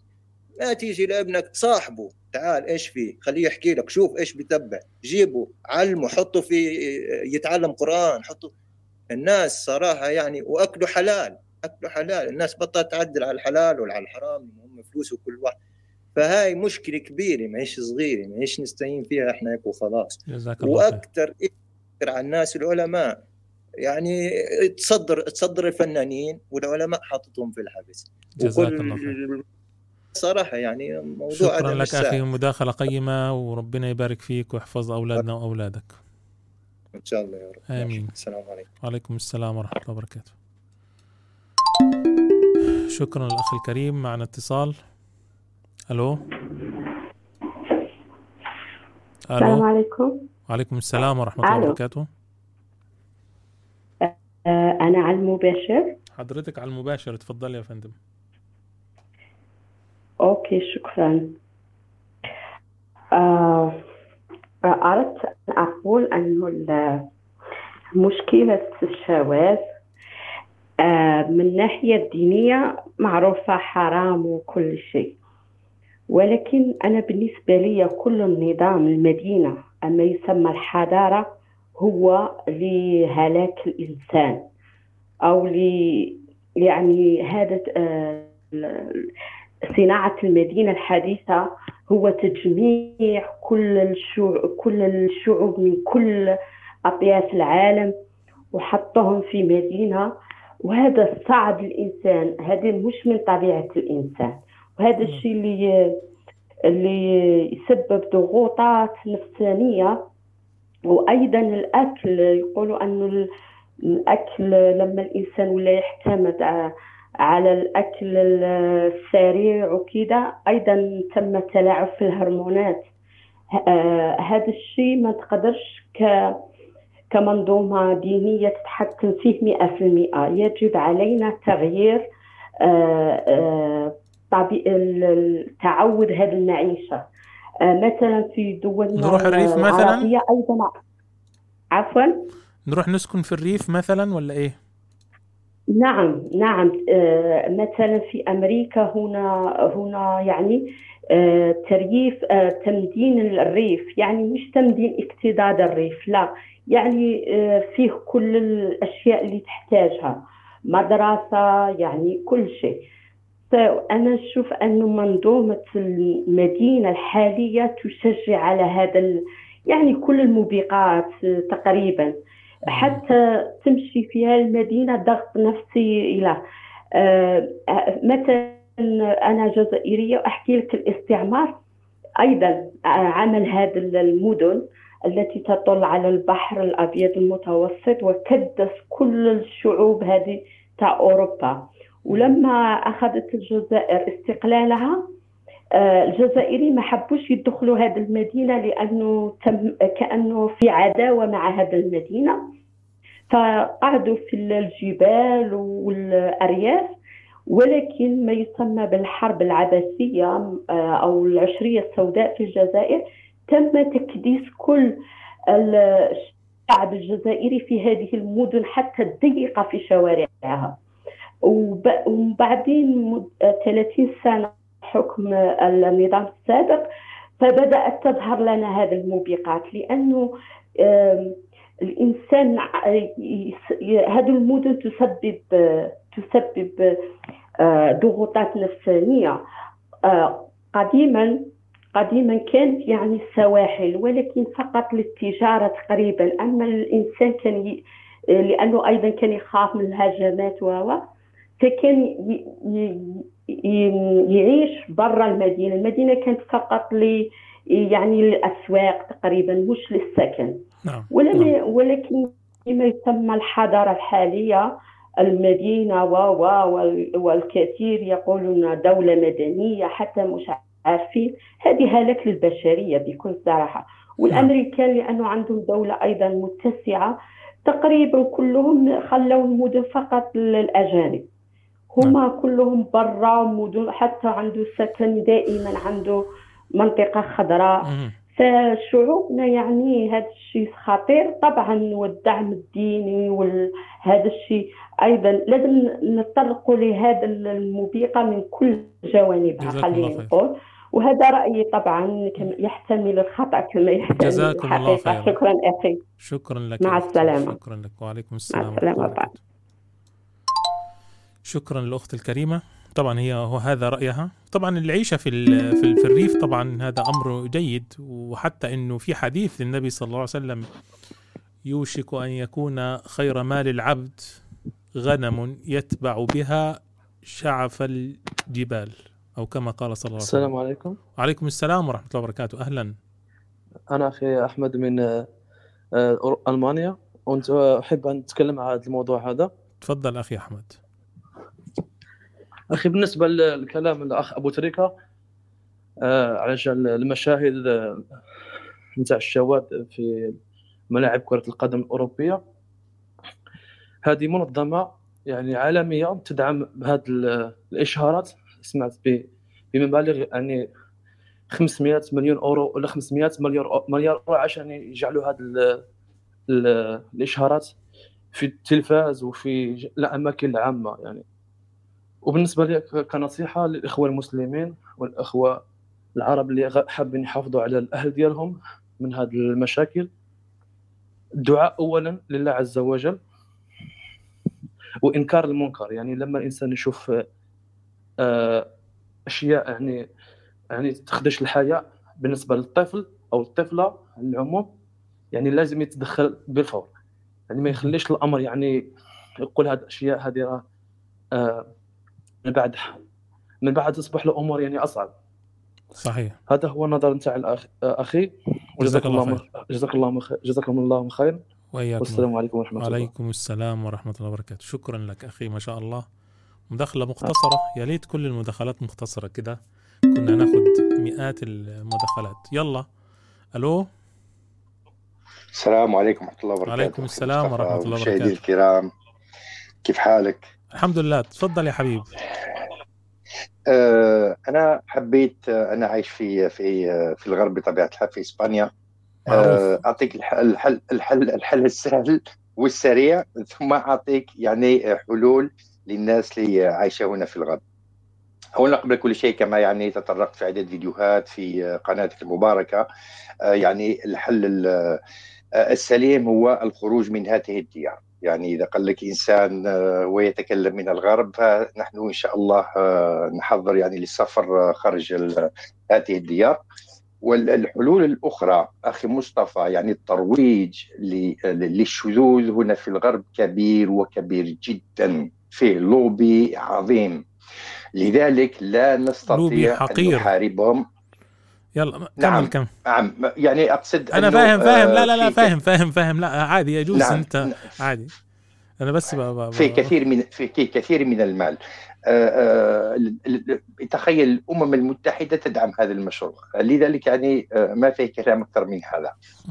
وأجندة آه، 2030 آه، كذلك.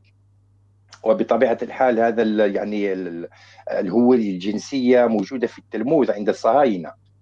لذلك هي وأجزم أن هذا يعني لا أحد يستطيع أن يقول لا إنها عقيدة أخي مصطفى. أنا حاورت أحدهم آه، فالكلام الأول قال لي هل أنت مسلم؟ قلت نعم. قال لي لا أتحاور معك لأن أنتم آه، آه، تريدون قتلنا بهذه الكلمات. فاستطعت التحاور معه لكن آه، أريد فقط تعقيب آه، صغير على ال- ال- الأستاذ الدكتور آه، اللي على ما أظن من السويد انه قال يعني هي زيادة الشهوة. هذا اعطانا الرسول صلى الله عليه وسلم يعني حل لزيادة الشهوة. يعني إما الزواج وإما يعني الصوم. يعني هذا ما فيه مشكلة. أنا تكلمت مع كثير من الدكاترة هنا. يعني لدي ثقة معهم. هي أفكار يغرسونها في في الأولاد ابتداء من قصة الشعر. وأنا قد رأيت وحاورت آه، يعني آه، تلاميذ في في المتوسطة في الثانوية فقلت لهم هذه قصة شعر يتركون يعني جهة أطول من الأخرى فبذلك لكي يبعدوا ذلك الشعر عن أعينهم يعملون حركات مثل النساء. وهذا بطبيعة الحال بدم هم يعني يعني ذكور. فهذا يوحي كأنهم يعني آه، شاذين جنسيا. يعني الأمور آه، تبدأ آه، يعني لا تترك ولو يعني كلمة صغيرة لابنك أو ابنتك يعني بدون تعقيب. آه، بطبيعة الحال التربية تبدأ من الصفر. فالتلفاز ممنوع لأن ممكن يروا برنامج جيد أو يعني إلا إذا عملت يعني آه، برنامج خاص مثلا كما ال- البارابول اللي فيه يعني قنوات إسلامية. لكن آه، أنا أبحث في هذا الأمر حاليا. وجدت أن الش- الشباب الشباب اللي عايشين هنا في الغرب لا يلتفتون إلى العلماء مثلا آه، علماء ال- ال- الأمة بطبيعة الحال لأن يرون ذلك اولا آه، في حاجز اللغة ثانيا آه، يرون ذلك كأنه شيء قديم. لذلك آه، من الأحسن يعني فيه يعني غربيون هنا ينكرون هذا الأمر فممكن الإنسان يعطيهم يعني أمثلة حتى يعني ينضجوا 14 سنة 15 سنة حين ينضج شوية عقله تستطيع يعني أن آه، تقول له مثلا قال العالم الفلاني أو العالم الفلاني. بطبيعة الحال أنا لا أتكلم عن الرسول صلى الله عليه وسلم لأن يعني كلامه مقدس. لكن آه، آه، لابد أن نعرف كيف نصل الفكرة إلى آه، إلى إلى الأولاد. لأن في أي يعني آه، اي أينما ذهبت أينما ذهبت تجد تجدونهم يعني يروجون للشذوذ. وهذا يعني أمر خطير جدا. يعني. الأستاذ ال- الكتب يعني في كل في كل في كل في كل الاماكن أخي مصطفى. لذلك والله الله يعني. موضوع آه، طويل.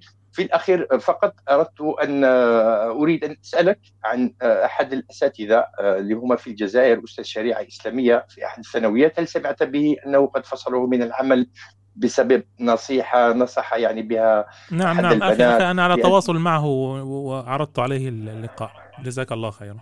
آه شكرا. شكرا لك شكرا لك شكرا شكرا لك. لك. السلام. عليكم. وعليكم السلام ورحمة الله وبركاته. شكرا الاخ الكريم. أرجو المداخلات الباقية يكون فيها اختصار حتى لا ن... يعني الموضوع لا يكون شاقا علي. أنا مش عاوز أغلق قبل ما أخذ كل الاتصالات. ألو؟ ألو السلام عليكم.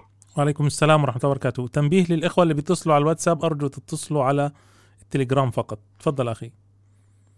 آه، إضافة آه، بسيطة. هي أن يعني ال- التربية من من منذ منذ قدم كانوا يركزون على آه، حماية الطفل من التحرش. آه، يعني الوالدين ينبهوه كما قال الإخوة قبلي آه، لا تلمس المكان الفلاني لا تدع أحد يمزح معك بالكلام الفلاني وهكذا.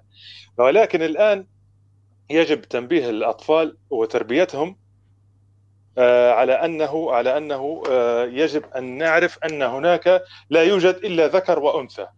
وأن الإنسان الذي يعني آه، أجهزته ذكرية أو أجهزته أنثوية ولو شعر بغير ذلك يجب أن يرجع لأصله ولا أن يذهب إلى آه، يعني كما يروج الآخرين وخصوصا آه، الذين يعيشون في الغرب لأن في الغرب يجبرون الأطفال على احترام هؤلاء وأنت عندما تزرع فيهم هذا الشيء يجب يعني يعني بطبيعة الحال أن يتخذ الذكر صديقا له يعني من يعني من أصدقاء الذكور ولا يست يعني ولا يأخذ مثلا صديقا مثلا أنثى تحولت إلى ذكر.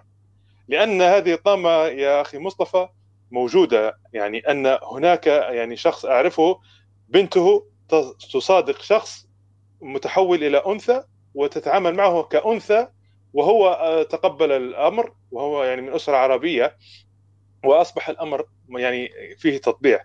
فهمت؟ فإن يعني هذا هذا هذا تشويه لفطرة ال- الأطفال يعني إنك أنت عندما تصادق الشاذ هم هم في خلاص دولة عربية؟ يعني- هذا الشخص في دولة عربية؟ لا لا لا لا, لا, لا آه. هذا في في الدول الغربية. نعم نعم. تمام. الأمر الآخر آه، بالنسبة للدول الغربية ال- الأسر اللاجئة. أنا سكنت في مبنى كان يأتون به يعني في يعني كانت فيه مكان سكن خاص للاجئين. فكانت هناك عائلات عربية. ال- ال- اللاجئين بداية مدة لجوئهم يجعلونهم في سكن مختلط. تمام؟ آه، مرة أنا أنا أنا يعني وأخي آه، كنا أمام مبنى في الشمس فجاءنا شاب تعرف علينا عربي فقال أنا اسمي فلان. وبعدها بيوم آه، أخبرني أخي أنا طبعا لا أرى فأخبرني أخي قال لي أن فلان هذا الذي سلم علينا الآن يلبس الحجاب. أنا ما صدقت أقسم بالله يعني أنا يعني آه، عقلي يعني ضرت من عقلي. فاتضح أن هذا الشخص كان في البداية لا يع- يعني حب يتأكد من الأمور عندما رأى الأجواء آه، جيدة أثبت انه أنه متحول. المهم الفكرة بنوصلها إن العائلات العربية أصبحوا يصدقون هذا على أنه الفتاة. وأن هذه الفتاة جيدة. انظر هذه الكارثة. وأصبحوا أن يتركونها مع أطفالهم. يعني هذا الشاذ والله هذا أسر مسلمة. يعني الأم محجبة والأب يعني يذهب إلى الجمعة وكذا. ولكن هذه من من طمات الحياة في يعني المعيشة في بلاد الغرب. أن الأمر هذا يعني يعني يكون هناك تطبيع. إذا كان هم قصدي يا أخي مدرسين يا أخي في ال- في المدارس كوتا لهم كوتا في كل الدول الغربية يعني لا أحد يتكلم عن هذه المسألة أنهم أصلا موجودين في المدارس يدرسون أطفالهم ويربونهم هناك في المدارس صح. لكن أنا أنا اللي نقصده أنا أن التساهل يعني يعني الأمر آه. كمان أنا- وصل أنا إلى التساهل حتى في على المستوى المنزلي أو قصدي أنت آه، عائله عائلة مسلمة مثلا عائلة مسلمة الأب والأم لديهم مشوار مثلا يعني عمل معين والأطفال لا يريدون لا يريدون تركهم وحدهم في البيت يكلمون هذه هذا الشخص الشاذ الذي أصبح يعني تعاملون مع- معه أنه مرأة سوية فهمت فهذه يعني هذه من الضوام وصلت لأن الفكرة. بسبب السبب يا أخي مصطفى أن اللاجئين في بداية أمرهم يضعون معهم هؤلاء الشواذ في نفس المبنى لأن المرحلة الأولى فيها اختلاط.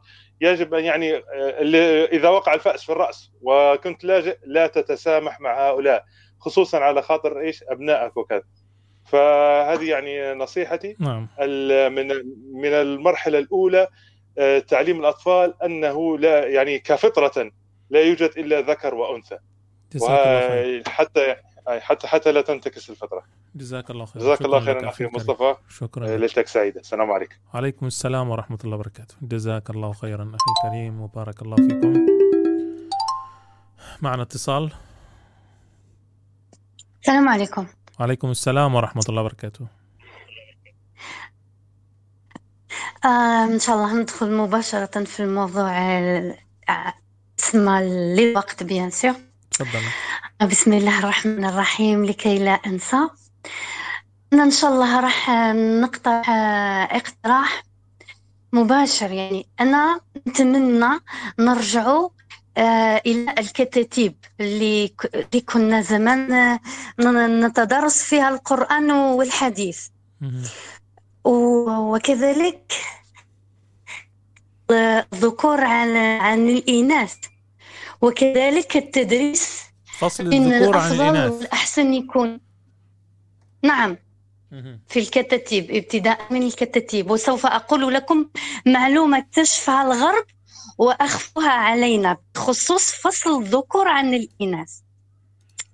إذا إن شاء الله أنا نقول آه، والتدريس أيضا يكون البنات آه، يدرسهن أستاذات والذكور آه، يدرسهم آه، أساتذة.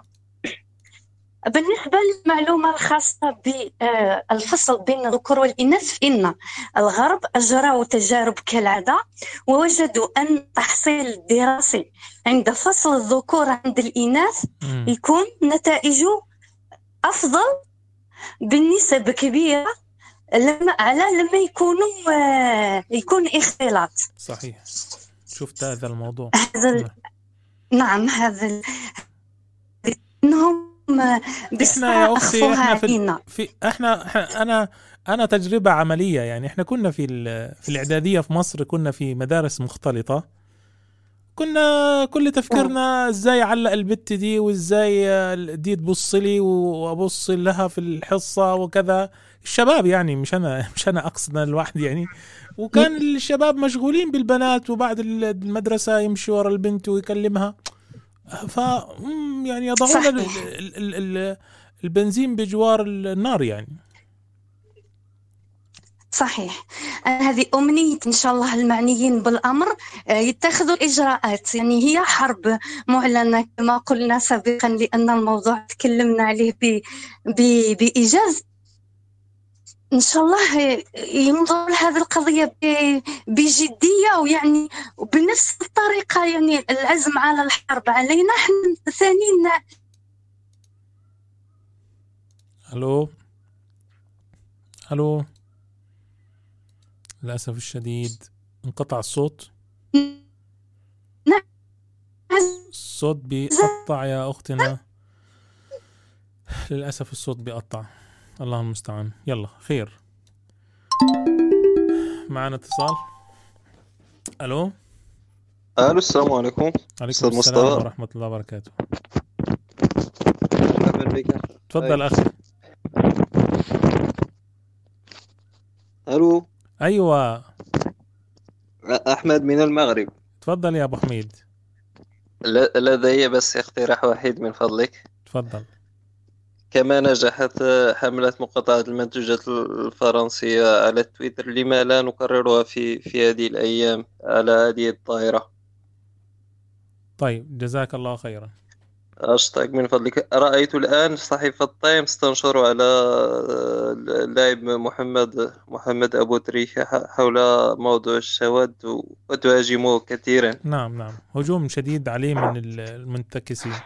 ربنا يبارك فيك كي لا. أطول عليكم شكرا جز- جزيلا وبارك الله في عملكم وفيك بارك الله. شكرا لك أخي الكريم. شكرا لأخ الكريم وشكرا لجميع ال... طيب ألو؟ السلام عليكم. وعليكم السلام ورحمة الله وبركاته. انقطع الخط من عند حضرتك. أنا نعم نعم للأسف. آه آه.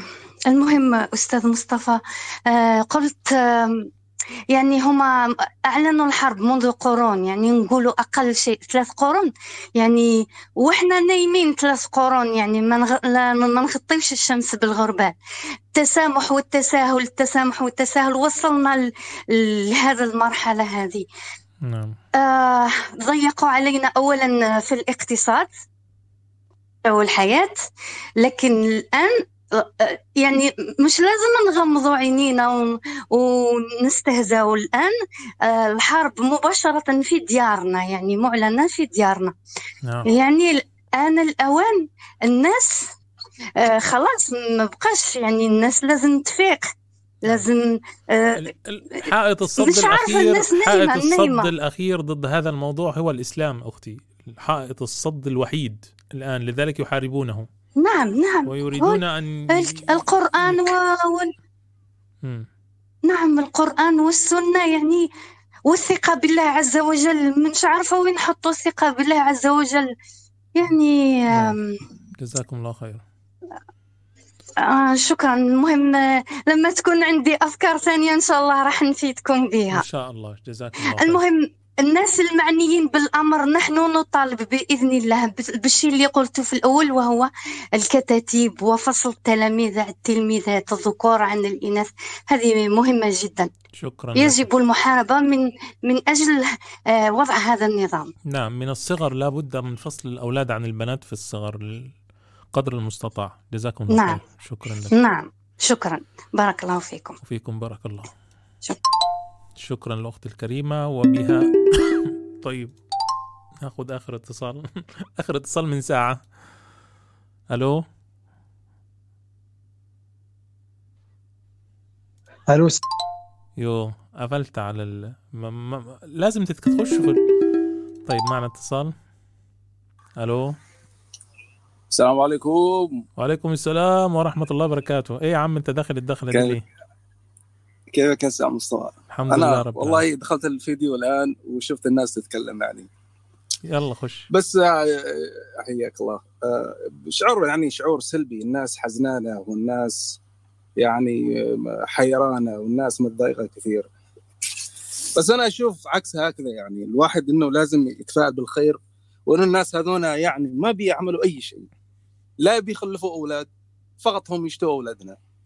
مقطوعين النسل أساسا. وبشوفهم أنا من من من وجهة نظري إن هذه يعني بيستخدموهم السياسيين كأقلية زي ما عندنا يعني في بعض الدول أقلية تحكم شعوب. وهذه ما أعرف في المستقبل ما أعرف كيف يعني يخلوها يعني أقلية تحكم العالم. ولهذون السياسيين اللي بيعظموهم بينزهوهم بيسننوا القوانين لهم هم أساسا ما يرضوا لأولادهم. هذول الناس ما يرضوا لأولادهم حتى. عرفت كيف؟ مم. لما أجي أنا أشوف العالم أنا عندي اثنين أولاد. أنا في الولايات المتحدة. الله يخليهم. عندي اثنين أولاد وعندي ولد عمره ست سنوات. فاحترت.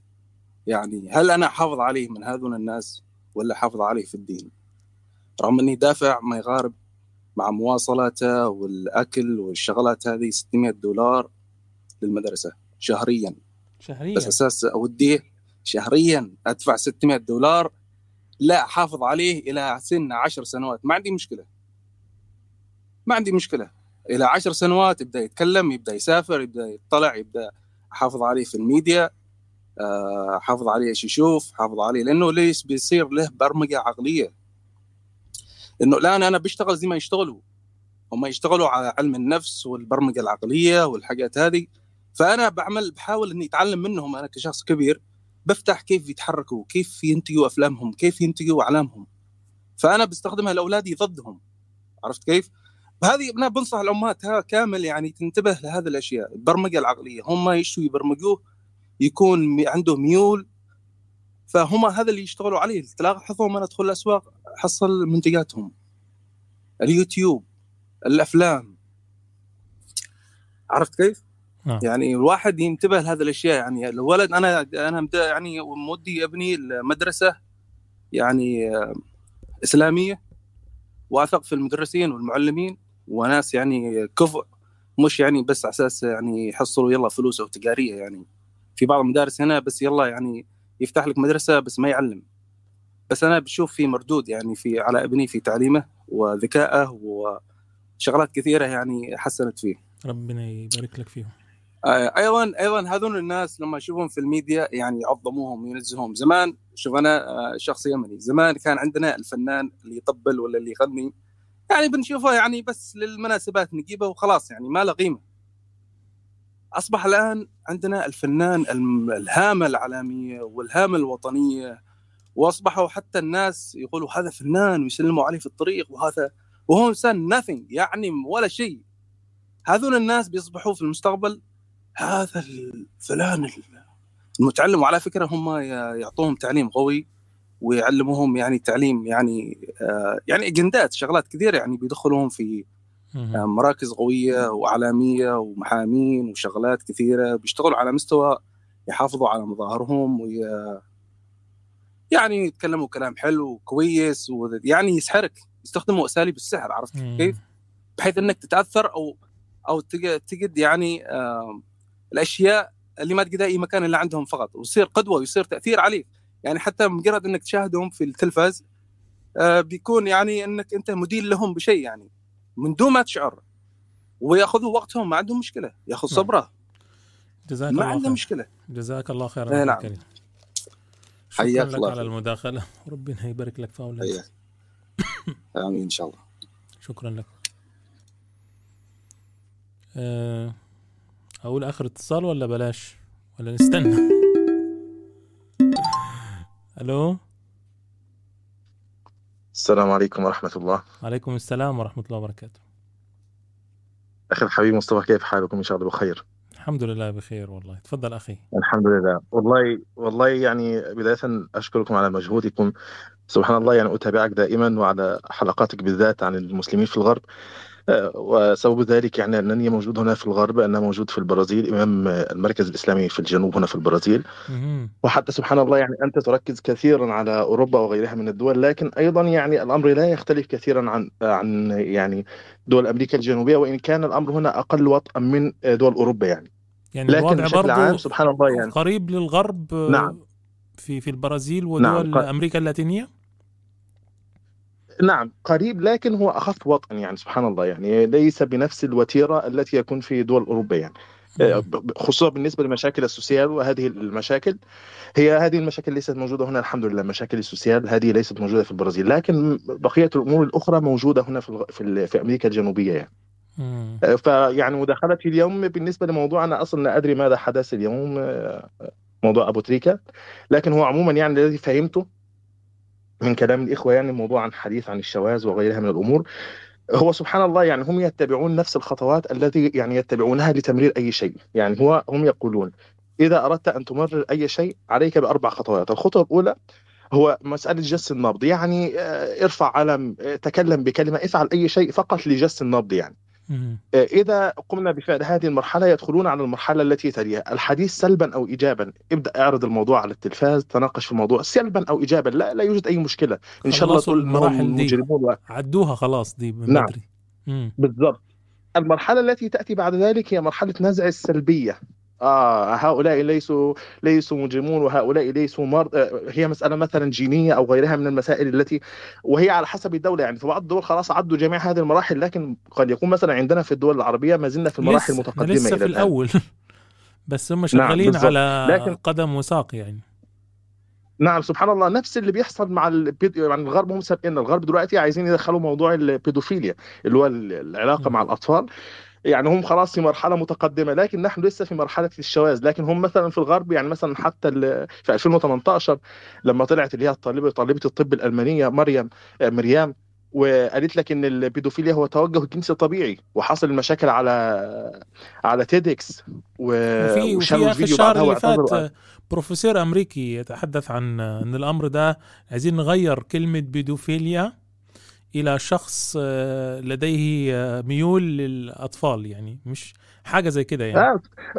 هو نفس اللي موجود في كتاب البيدوفيليا الحالة الراديك- الراديكاليه اللي هو توم اللي هو مهووس أصلا بالأطفال قال لك في يوم من الأيام يعني سننال كل حقوقنا وسيعترف المجتمع بتوجهنا الجنسي نحو الأطفال يعني هي سبحان الله هم الغرب سابقين هم دلوقتي في موضوع التوجه الجنسي للاطفال وال- لكن إحنا في والفلاسفه الدول العربية البداية. والفلاسفة الفرنسيين كانوا يطالبون بإلغاء أن هذا أن هذا آه، يعني اعتداء وإنما هو يعني مرض وميول يعني اصله لما يكون مرض اذا صحيح. سهل صحيح. بعد. كده يغيروه انه هو طبيعي بقى يبدأوا نعم زي ما عملوا مظبوط. في كل هذه مظبوط. صحيح مم. صحيح سبحان الله يعني. ف... ف يعني أنا أريد أن أؤكد يعني سبحان الله على كلامك. وصراحة يعني هي المداخلة ليست المداخلة صراحة ولكن لشكرك يعني سبحان الله على مجهودك. أسأل الله سبحانه وتعالى يبارك جدا فيك. بالتعرف عليك وربنا يبارك فيكم وأسأل الله أن يفتح على يديكم في هذه البلاد. اللهم آمين. وجزاك الله خيرا. جزاكم الله خيرا. الله يبارك. فيك. جزاكم الله خيرا. السلام عليكم. وعليكم السلام ورحمة الله وبركاته. طيب معنا اتصال. قبل الله خيرا السلام ألو؟ السلام عليكم ورحمة الله وبركاته. وعليكم السلام ورحمة الله وبركاته. أولا السلام عليكم ورحمة الله وبركاته وأسعد الله جميع أوقاتك يا أخوي مصطفى. الله يسعدك. أه، أشكرك حقيقة على جهدك في نشر قضايا الأمة الإسلامية. أه، وطبعا الحمد لله نحمد الله سبحانه وتعالى أن من علينا في هذه القنوات البديلة عن القنوات ال- ال- آه، الذي الذي يعني حقيقة آه، لا أستطيع أن أصفها. يعني قنوات مسخة لا تهتم بقضايا الأمة الإسلامية. وبعض من يعني هذه المنظمات تدعي أنها إسلامية وتنسف قضايا الأمة. بل تكون تصطف مع أعدائها للأسف الشديد. نعم للأسف شديد بالمناسبه ف- بالمناسبة إحنا بعد اللقاء ده إحنا ممكن يحذفوا لنا القناة بالمناسبة على اللقاء ده. فسامحوني إذا لم تجدوا هذا اللقاء. احتمال كبير يعني. اللي سمعوا اللي سمع يب... اللي... الذي سمع يبلغ الغائب لأنه هذه الحلقة نبهني الآن بعض الإخوة أنها سوف تحذف آه، قسرا إذا لم أحذفها أنا بنفسي. الله أعلم يعني آه، يلغوا لنا مجهود القناة بالكامل. شوف ال... لأنه طبعا إحنا فتحنا فاتحين الحرية كاملة للجميع. عشان كذا قلت خلي بالكم. تفضل أخي أكمل. آه، طبعا نسأل الله السلامة يعني. الله سبحانه وتعالى خلقنا كذكر وأنثى. فطبعا سنفترق يعني. أيضا الله سبحانه وتعالى أخبر عن عن النبي صلى الله عليه وسلم. أن ستفترق الأمة إلى صنفان لا ثالث لهما. إيمان لا نفاق فيه ونفاق لا إيمان فيه. فهذه الصنفان بدأوا يتباينون الآن سبحان الله. يعني تجد من آه، الليبراليين وأعداء الأمة يصطفون يصطفون ضد من فيه مسحة من الدين. يعني ليس لا يش- يشترط أن يكون ملتزم. نجد هذا واضحا وجليا في قنوات التواصل الاجتماعي بشكل مكثف وواضح. فسبحان الله تجد في كتاب الله سبحانه وتعالى يعني آية قاتل الذين يلونكم من الكفار. يعني قد أحد يعني يعني يعني يعني يعني تجد في هذه ال- ال- ال- الآية سبحان الله التضييق على هؤلاء كما يضيقون على المسلمين. وثاني شيء آه، طبعا أستاذ مصطفى أنا ودي بس نسوي حملة لمقاطعة المنتجات الصينية مثل ما نجحت مقاطعة المنتجات ال- ال- ال- ال- الفرنسية وأيضا الهندية. ادخل على قناتي. ادخل على قناتي ستجد حوالي 40 فيديو سلسلة سلسلة تشغيل قائمة تشغيل بعنوان تركستان الشرقية. ستجد أني أدعو لمقاطعة الصين وكسرت يعني مشهد كذا تمثيلي من سنة 2018 وأنا أدعو لذلك. والله صدقني يا أخي الكريم يعني من زمان أنا أدعو لذلك. آه، لكن لكن نجاح نجاح الحملة مقاطعة فرنسا لها أسباب كثيرة. بصراحة خلينا نكون صرحاء. لماذا نجحت مقاطعة. فرنسا ولم تنجح مقاطعة الصين أو الهند؟ لازم لازم نعرف. لازم يكون عندنا تحليل. أنا عندي خبرة. أول شيء المنتجات الفرنسية لها بدائل كثيرة جدا جدا جدا أكثر من المنتجات ال- ال- الصينية. رقم واحد مع أنه الصيني برضه له بديل بس خليك معي أمر الثاني ال- ال- المنتجات الصينية مشكلتها الوحيدة أنها الآن أصبحت تتوغل حتى في المنتجات اللي هي بتاعت الدول الأخرى. يعني مثلا أنا الآ- الآن أريد أقاطع الصين. الآيفون هو شركة أمريكية يصنع في الصين. السامسونج شركة كورية تصنع في الصين. ال HP شركة أمريكية تصنع في الصين. ال IBM شركة أمريكية تصنع في الصين. الشركات فاهم علي؟ أصبحت واضح واضح أصبحت الصين ليست فقط لديها شركات معينة أو كذا لا بل هي تدخل في كل شيء. الأمر ال- ال- ال- الآخر وهو أنه مقاطعة الصين قد تكلف الشخص في أموالا. يعني قد أنت تحتاج أن تدفع أموالا حتى تقاطع. بمعنى آه، إذا أردت أن تشتري هاتفا رخيصا ستجد في الصيني وفي إمكانيات جبارة. وعشان تشتري تليفون بنفس المواصفات هذه من ماركة أخرى آه، من دولة زي كوريا ولا أمريكا ولا أيا كان اليابان ستجد أنه يعني أغلى بكثير جدا. فتضطر أنك تدفع فلوس. فالصين الصين آه، قوم يأجوج ومأجوج والله أعلم. يعني موضوع كبير. أنا طبعا لا أقلل أنا قلت آه، آه، في حاجة اسمها الترشيد ترشيد الاستهلاك. إحنا للأسف الشديد بنشتري حاجات كتير ملهاش قيمة معايا. الأمر الثاني. البحث عن البديل في الدول العربية والإسلامية ستجد إندونيسيا ماليزيا تركيا آه، أي منتج عربي. ويعني لا تشتري منتج صيني إلا مضطرا.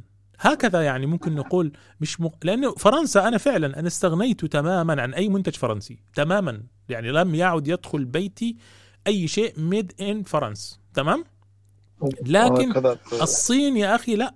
أنا الآن محتاج قطعة إلكترونية القطعة هذه ما هي موجودة إلا من الصين. وين بنروح؟ أنا لا أريد أنا أريد أن أذكر الناس بضرورة إنه إحنا نتعلم ثقافة إنه لا أشتري شيء إلا اضطرارا كإنه أنا أكل الميتة. هنا تبدأ المقاطعة. إذا إذا حطينا هذا الأصل ورمينا هذا الأساس تبدأ المقاطعة. تفضل أخي. الله يجزي فضلك. فعلا الكماليات اللي يقدر الإنسان يقتصد منها في بعض الأشياء اللي ما ما يكون لها مثلا آه، يعني حامل ال- ال- الجهاز أو الجوال تكاية الجوال. يعني هذه لو تقدر تأخذها مرة واحدة خلاص تستغني عنها تحاول إنها ما تضيع على أساس إنك ما نعم. تحاول تشتري مرة ثانية. في أشياء يعني ما اشياء بسيطة يا أخي في أشياء مرة. في أشياء كثيرة كافي. بسيطة ممكن الواحد يستغني عنها. إحنا بس اللي مكسلين. فأنا أقول للناس استغنوا عن آه، أول شيء الترشيد ثم الترشيد ثم الترشيد.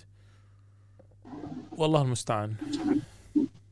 الله ينفع بك إن شاء الله الله. ينفع بنا أنا والله. لا أقلل من مجهوداتك يا اخ مصطفى شكراً لك. متابع لك قديم ولكن آه، أنا خاطب الجمهور إنهم يشدون على أيدي بعض في الهاشتاجات في نعم آه، لا أقل ولا أكثر ولا شكراً والله. مجهوداتك شكرا لك لا تنسى ولا واشكر لك تحت الفرصة هذه ونسأل الله أن ينفع بها يا رب شكرا لك. آمين آمين. جزاك الله. شكرا. لك. شكرا لك.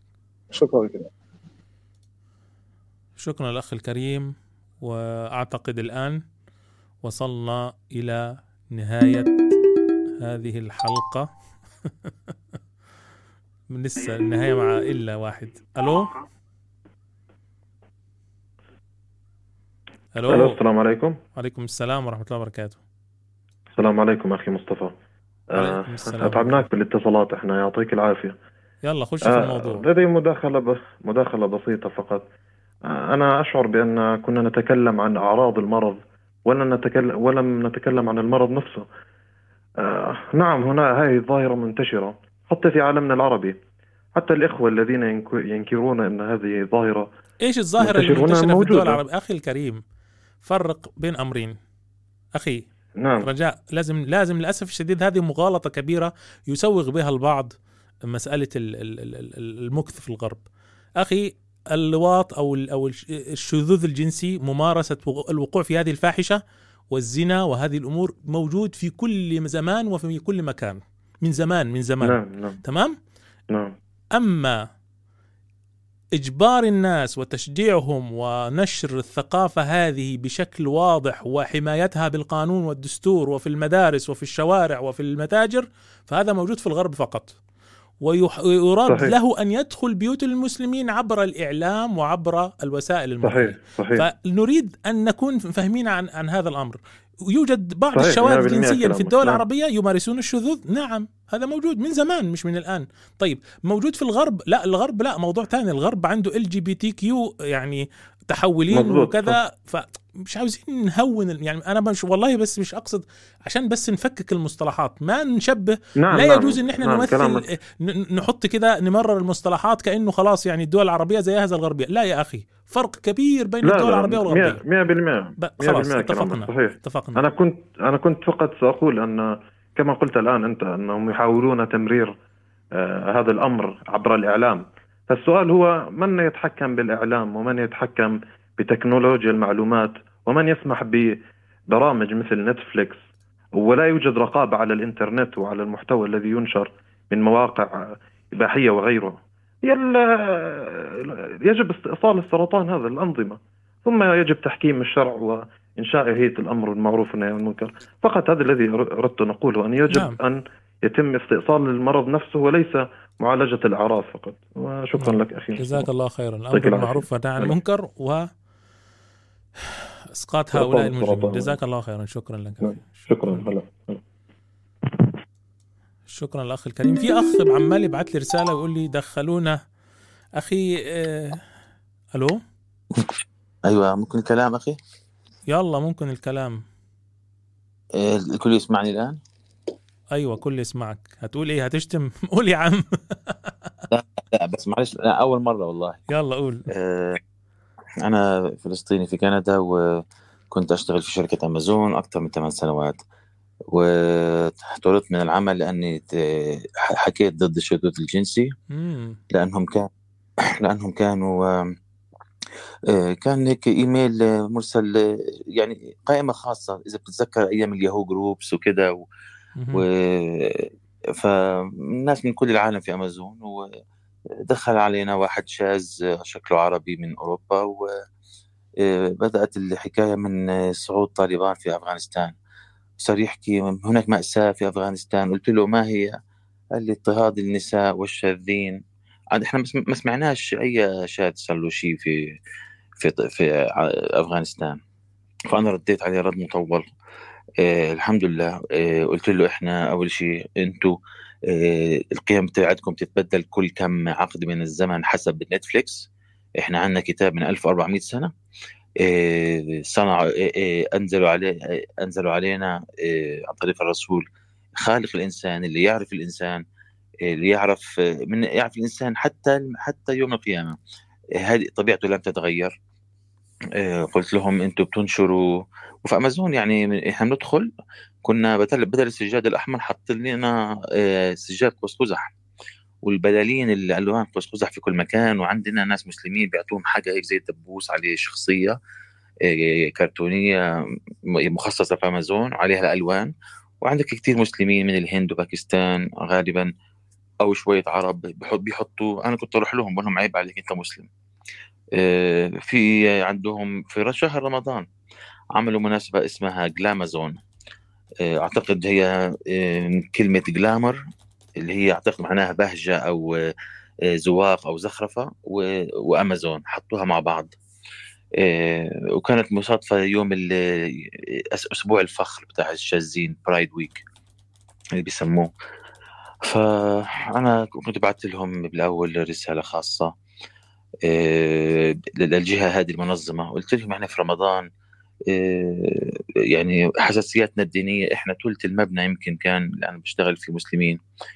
أنتوا زي اللي بتدعوا إن إحنا المفروض نيجي لموقع عمل محايد وعلماني.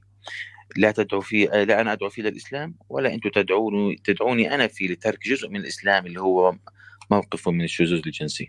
نعم. ف ما اعتذروش بع- بعتوا لي إيميل ما اعتذروش على على- لجرحهم حساسيتي الدينية واللي بيسموهم ال HR اللي هم بالعربي بيسموهم يمكن دائرة الموارد البشرية أو شؤون الموظفين. إجوا حكوا معي وقالوا لي اعتبر الألوان هذه زي الظاهرة الطبيعية اللي في السماء هي قوس قزح حاجة بريئة يعني وما لهاش دخل ب يا سلام. الشاذ آه. فأنا هزيت رأسي كده وما عملتش حاجة لكن بعدها بكم شهر صار الكلام على طالبان وأنها بتضطهد المرأة قالوا الشاذين ولقيت دورت على الكاتب لقيته واحد منهم حتى لو كان عربي. فتصديت له كل حرف والله وأنا أنا خبرة في النقاش بالإنترنت فقلت له انت آه، أمازون آه، بتنشر مرض آه، إحنا إحنا كمسلمين ننظر ليه كأنه مرض لا يستحق الترويج له كما تفعلوا. آه، مرض سيقضي على الأسرة وينشر أمراض بين الناس ويقلل عدد السكان العالم. وهذه أجندة موجودة ومعلومة لا- واللي بي- بيروج لها فهو يا إما ضحل الف... قصير النظر آه، أو جاهل يا إما عارف بالأجندة الخفية ولازم و... و... عن آه، تمريره لهذا المخطط اللي هو نشر ال- ال- الأمراض وتقليل عدد سكان العالم آه، وثالث واحدة إيش قلنا هي؟ القضاء على الأسرة. قلت لهم لا لا يمكن أن تكون جاي شاذ ومسلم في نفس الوقت. القرآن واضح بهذا الموضوع. الطامة الكبرى إنه الآن أنا أجد أم- يعني أنا في طور البحث عن زوجة وكثير منا يستعين بالإنترنت آه، للتعارف للأسف بسبب بعد المسافات ومشاغل الحياة. أنا في يوم واحد في أسبوع واحد مر- مرت بي مسلمتين واحدة من بلدي أنا فلسطين من, من, تربية كندا وأخرى أفغانية ممكن تربية أمريكا ومصدومين إنه أنا ضد الشذوذ واحدة منهم محجبة حتى. فصار يعني هذه تجي عندك مشكلة عندك هو هي دي هي دي ضريبة الحياة في الغرب أخي. وال, وال, وال, وال الله المستعان. يعني بيروحوا مساجد وحلقات دين يمكن هم صغار وفي منهم بيتعلموا عربي في Sunday school زي ما بسموها بال weekend بس آه، كأنه حتى في إحنا المدرسين المسلمين في يوم الأحد ما حدش بي- بيحكي عن الموضوع. وطبعا الأهل غيب بيفكروا خلاص يعني إنه هو كثير أهل مهملين الخوف يا أخي إنه الناس ما تحكي وما تنبه وما تحذر فيخرج جيل يطبع ويقبل بهذا الأمر بل يراه ممارسة طبيعية. وإذا يعني حد أنكر عليه يقول له إيه، ما ما حد قال لنا إنه هذا غلط أصلا. يعني هذه مصيبة. أنا أنا أنا ما أنا يعني مريت بمسلمين آخرين في في السنين الماضية كمان وخلال بحثي عن زوجة لدرجة صرت إني إذا كنت لابد أضع في ملفي تعريفي بنفسي أضع في على الرأس. قبل أن أقول من أنا أقول اني أنا انتي جاي انتي أو ال جي بي تي كيو اي بلس صار هيك اسمهم؟ كل بقول بيزيدوا حرف G على ال... الجي بي تي كيو ار اس تي يو في دبليو إكس واي آه، آه. يعني آه، صاروا ال alphabet الله. يخرب بيتهم ويخزيهم آه ويخسهم. لازم. غير طبعا لازم تقول حتى حتى إن أنت anti شيشة كمان لأنه بتلاقي محجبة وما أحلاها وممكن آه، خلاص قلت لك أنا الشيشة عندي شو اسمه آه، محدش بقول لهم الشيشة شعار الفساق. فمنتشر جدا بين المسلمين اللي منهم اللي جاي حتى متأخر هنا آه، ده اللي جاي متأخر على فكرة أسهل. هم الآن اللي جاي متأخر اللي, اللي عايش بقاله فترة طويلة مثلا معاه الجنسية أنا أقول لك أنا الفكرة. اللي عايش من فترة طويلة في الغرب ومعاه الجنسية مش هو ده الهدف من أهدافهم لأنه هو شخص يعني مع يعني مش خايف طاقة. الخوف على آه. الشخص اللي لسه جاي جديد عاوز الإقامة ففي سبيل هذه الإقامة يغير دينه ويغير جلده وي ويكفر بالله ويقولوا له الشذوذ يقول ها شذوذ ها حرية طيب ال- القرآن يقول لا القرآن إيش يا عم إحنا ما هذا يعني كتاب بركة يعني فاهم علي؟ طب ال- الإسلام الإسلام يا عمي هذا يعني في المسجد بس إحنا ومع ذلك يعني أنا أصلا يعني من فترة متشكك إني مسلم أصلا فيعني هكذا يحدث في كمبات الاختبار اللاجئين الآن وأقولها وتعرف مم. مين اللي يشتكي لي؟ مم. اللي يشتكي لي. ملحد ملحد يشتكي يقول أوه. أنا ملحد هو يقول أنا ملحد وكذا أنا يؤسفني إني أرى واحد مسلم يفعل هذه الأمور هو بس يعني ملحد عربي؟ عربي نعم طبعا عربي. اتصل مرة في سلسلة المسلمون في الغرب. وأنا وهذا الكلام صحيح يحدث. أنا لا أقول هو لا هو لا يكذب على فكرة. هذا الكلام أخبرني به أكثر من شخص. حتى لا يعتقد البعض إني أنا أخذت كلامه آه، كأنه يعني مصدق. لا هذا الكلام يقوله. وإحنا رأينا في في كوريا الجنوبية يا أخي عدد المتنصرين معظم اللاجئين اللي بيروحوا كوريا الجنوبية الآن بيتنصروا بيقولوا إحنا نصارى عشان ياخذوا الإقامة. كثير من المسلمين اللي بيروحوا ألمانيا بيسألوهم أسئلة خطيرة في العقيدة وبيجاوبوا بالعكس الإسلام. هذا يا أخي ما يعني موضوع أكبر بكثير يعني. الله المستعان. أنا مرق مر علي قبل أكثر من 10 سنوات. شاب أردني اجى رجوع على. كندا بحج- بحجة أنه جاي انه هو شاذ فهو مضطهد في الأردن فحابب يجي كندا. مش عارف كيف يجي إيش القدرات اللي عنده؟ غير إنه يقول أنا مضطهد أنا أنا شاذ وهو فعلا مش شاذ. شفته بس بيحاول يلعب الدور. بس وق- وقتها كان بس يطول شعره ويلبس خواتم. هياخذوه في غرفة وهيختبروه يحطوا في الخازوق ويشوفوا يعني هو شاذ ولا مش شاذ. يا أخي يا أخي يا أخي واحد يا أخي مجموعة شواذ في السويد راحوا يطلبوا اللجوء. الراجل المسؤول بتاع منظمة الشواذ هذه اسمها منظمة حماية الشواذ مسكهم واغتصبهم جميعا. قال له تعال نجرب. واغتصبهم. واكتشفوا الأمر بعدها بسنتين وحكموا عليه بسنة وبعدين ألغوا الحكم الآن. يعني ترى الله المستعان.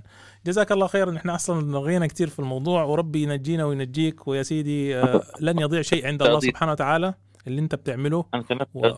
نفسي أضيف لأنه آه، نهاية سعيدة يعني إذا عندك دقيقتين.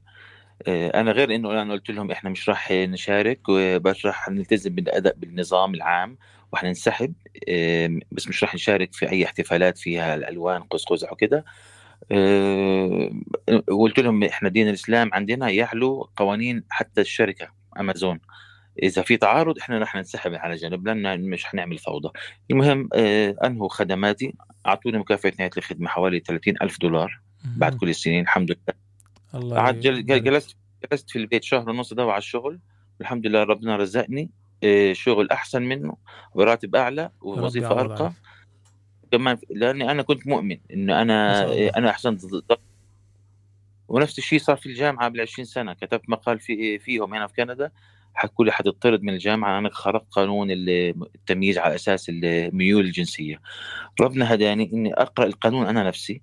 لقيت فيه ثغرة إنه آه، ممنوع التمييز على أساس الدين وكذا وكذا. رحت لهم وكانت عميدة الكلية.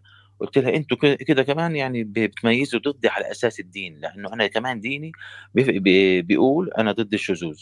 فإذا مش عاجبكم أنتوا كمان بتميزوا ضدي. مم. فصارت لي صارت لي اليد العليا. بعد ما كنت حطرد صاروا بس الش- الشاذين بيتمنوا يقعدوا معي عشان يعبروا لي عن مشاعرهم اللي حسوا فيها لما القلب بتاعي اللي أنا آه. شبهتهم فيه بينهم من الحيوانات. الله المستعان. فانتهى الموضوع فالحمد لله. لا هذا لا الكلام هذا الكلام الآن ولا- ولا في الخيال يا حبيب يعني صراحة حتى لا يعتقد أحد إنه في حرية. ما عاد في واحد الآن هل تعلم انه في واحد اتسجن 16 سنة لأنه أحرق علم الشواذ ولا ما تسمع عن هذا الخبر؟ لا فين ده صار. في الولايات المتحدة الأمريكية. أنا والله أنا عم بفكر أبدأ حاجة في كندا هنا أسميها Pure Pride يعني الأسبوع اللي يخرجوا هم فيه أنا أخرج إن شاء الله لوحدي ألبس قناع آه، أخترع لي شعار آه، معايا وقت مش عارف هو إمتى؟ ال Pride Week ولازم نبدأ لأنه آه، ده من باب النهي عن المنكر وأنا أنا أنا أكثر من 27 سنة في كندا. أنا عمري عمري 42 أنا هنا من عمري 15 ربنا ي... فمش لازم. ربنا يستر علينا. ويعدها على مش لازم لما نفضل ساكتين آه، آه، خلاص يعني. نتفليكس أنا أنا كنت أشترك فيه زمان لغاية لما لقيت آه، كل شوية عاملين لك شخصية فيها. مش عارف إيه. ف جزاك الله خيرا أخي. الكريم. جزاك الله خير على وقتك شكرا. ربنا يبارك فيك جزاك الله خيرا. نختم بالمداخلة هذه. جزاك الله خيرا أخي الكريم وربنا يبارك فيك. وفي كل الإخوة والأخوات إحنا يعني أخذنا مدة طويلة ثلاث ساعات. أعتقد آه، مدة طويلة. وتكلمنا والناس عبرت عن الآراء اللي عندها بكل حرية. وأنا كنت مستني واحد من ال- العيال الشمال دول يتصل. الحمد لله هم بيخافوا أصلا. هم جبنات. هم جبناء جدا. والله المستعان. بالنسبة للحلقة أنا بصراحة محتار في الحلقة هذه. آه بنسبة كبيرة سوف تحذف. استفدتوا الناس اللي جالسين على اللايف الآن 600 استفدتوا من الحلقة. أبلغوا الغائب. كل واحد منكم يؤثر في عشرة يعني 600 في عشرة بستة آلاف شخص. ويا سلام لو ال 6000 شخص دول أثروا في عشرة كمان يبقى ستين ألف شخص. وهكذا. فإحنا حذرنا ونشرنا الفكرة. وعملنا الأشياء اللي إحنا عاوزينها وقلنا اللي إحنا عاوزينه فخلاص كده. يعني وصلنا الرسالة رس وصلنا الرسالة والناس عرفت إزاي توعي الأطفال وإزاي تحذر ال- الأطفال وتوصل هذه ال- المعلومات إنه هذا حرام وهذا آه، جريمة في الإسلام وع- وعقوبة قوم لوط وموضوع التلفاز والهاتف وكل شيء. أعتقد آه، كفاية كذا. سبحانك اللهم وبحمدك. أشهد أن لا إله إلا أنت. أستغفرك وأتوب إليك. وللإخوة اللي بيقولوا لي دع الفيديو طيب أنتوا عايزين القناة تتحذف؟ ماشي. لو عايزين نحذف القناة خلاص. يعني عشان الفيديو هنحذف القناة. فطيب وبعدين؟ يعني المشكلة بعدين. اللي عاوز ال- الحلقة أنا برفعها على ال SoundCloud وأمرنا لله. يعني أنا هرفعها بدون ما أحذف منها شيء على ال SoundCloud. اللي عاوزها يتواصل معي في ال في ال في ال في التليجرام وأعطيه ال- الرابط. لكن صعب أنشرها هنا في القناة. الله المستعان. يلا شكرا لكم والسلام عليكم ورحمة الله وبركاته.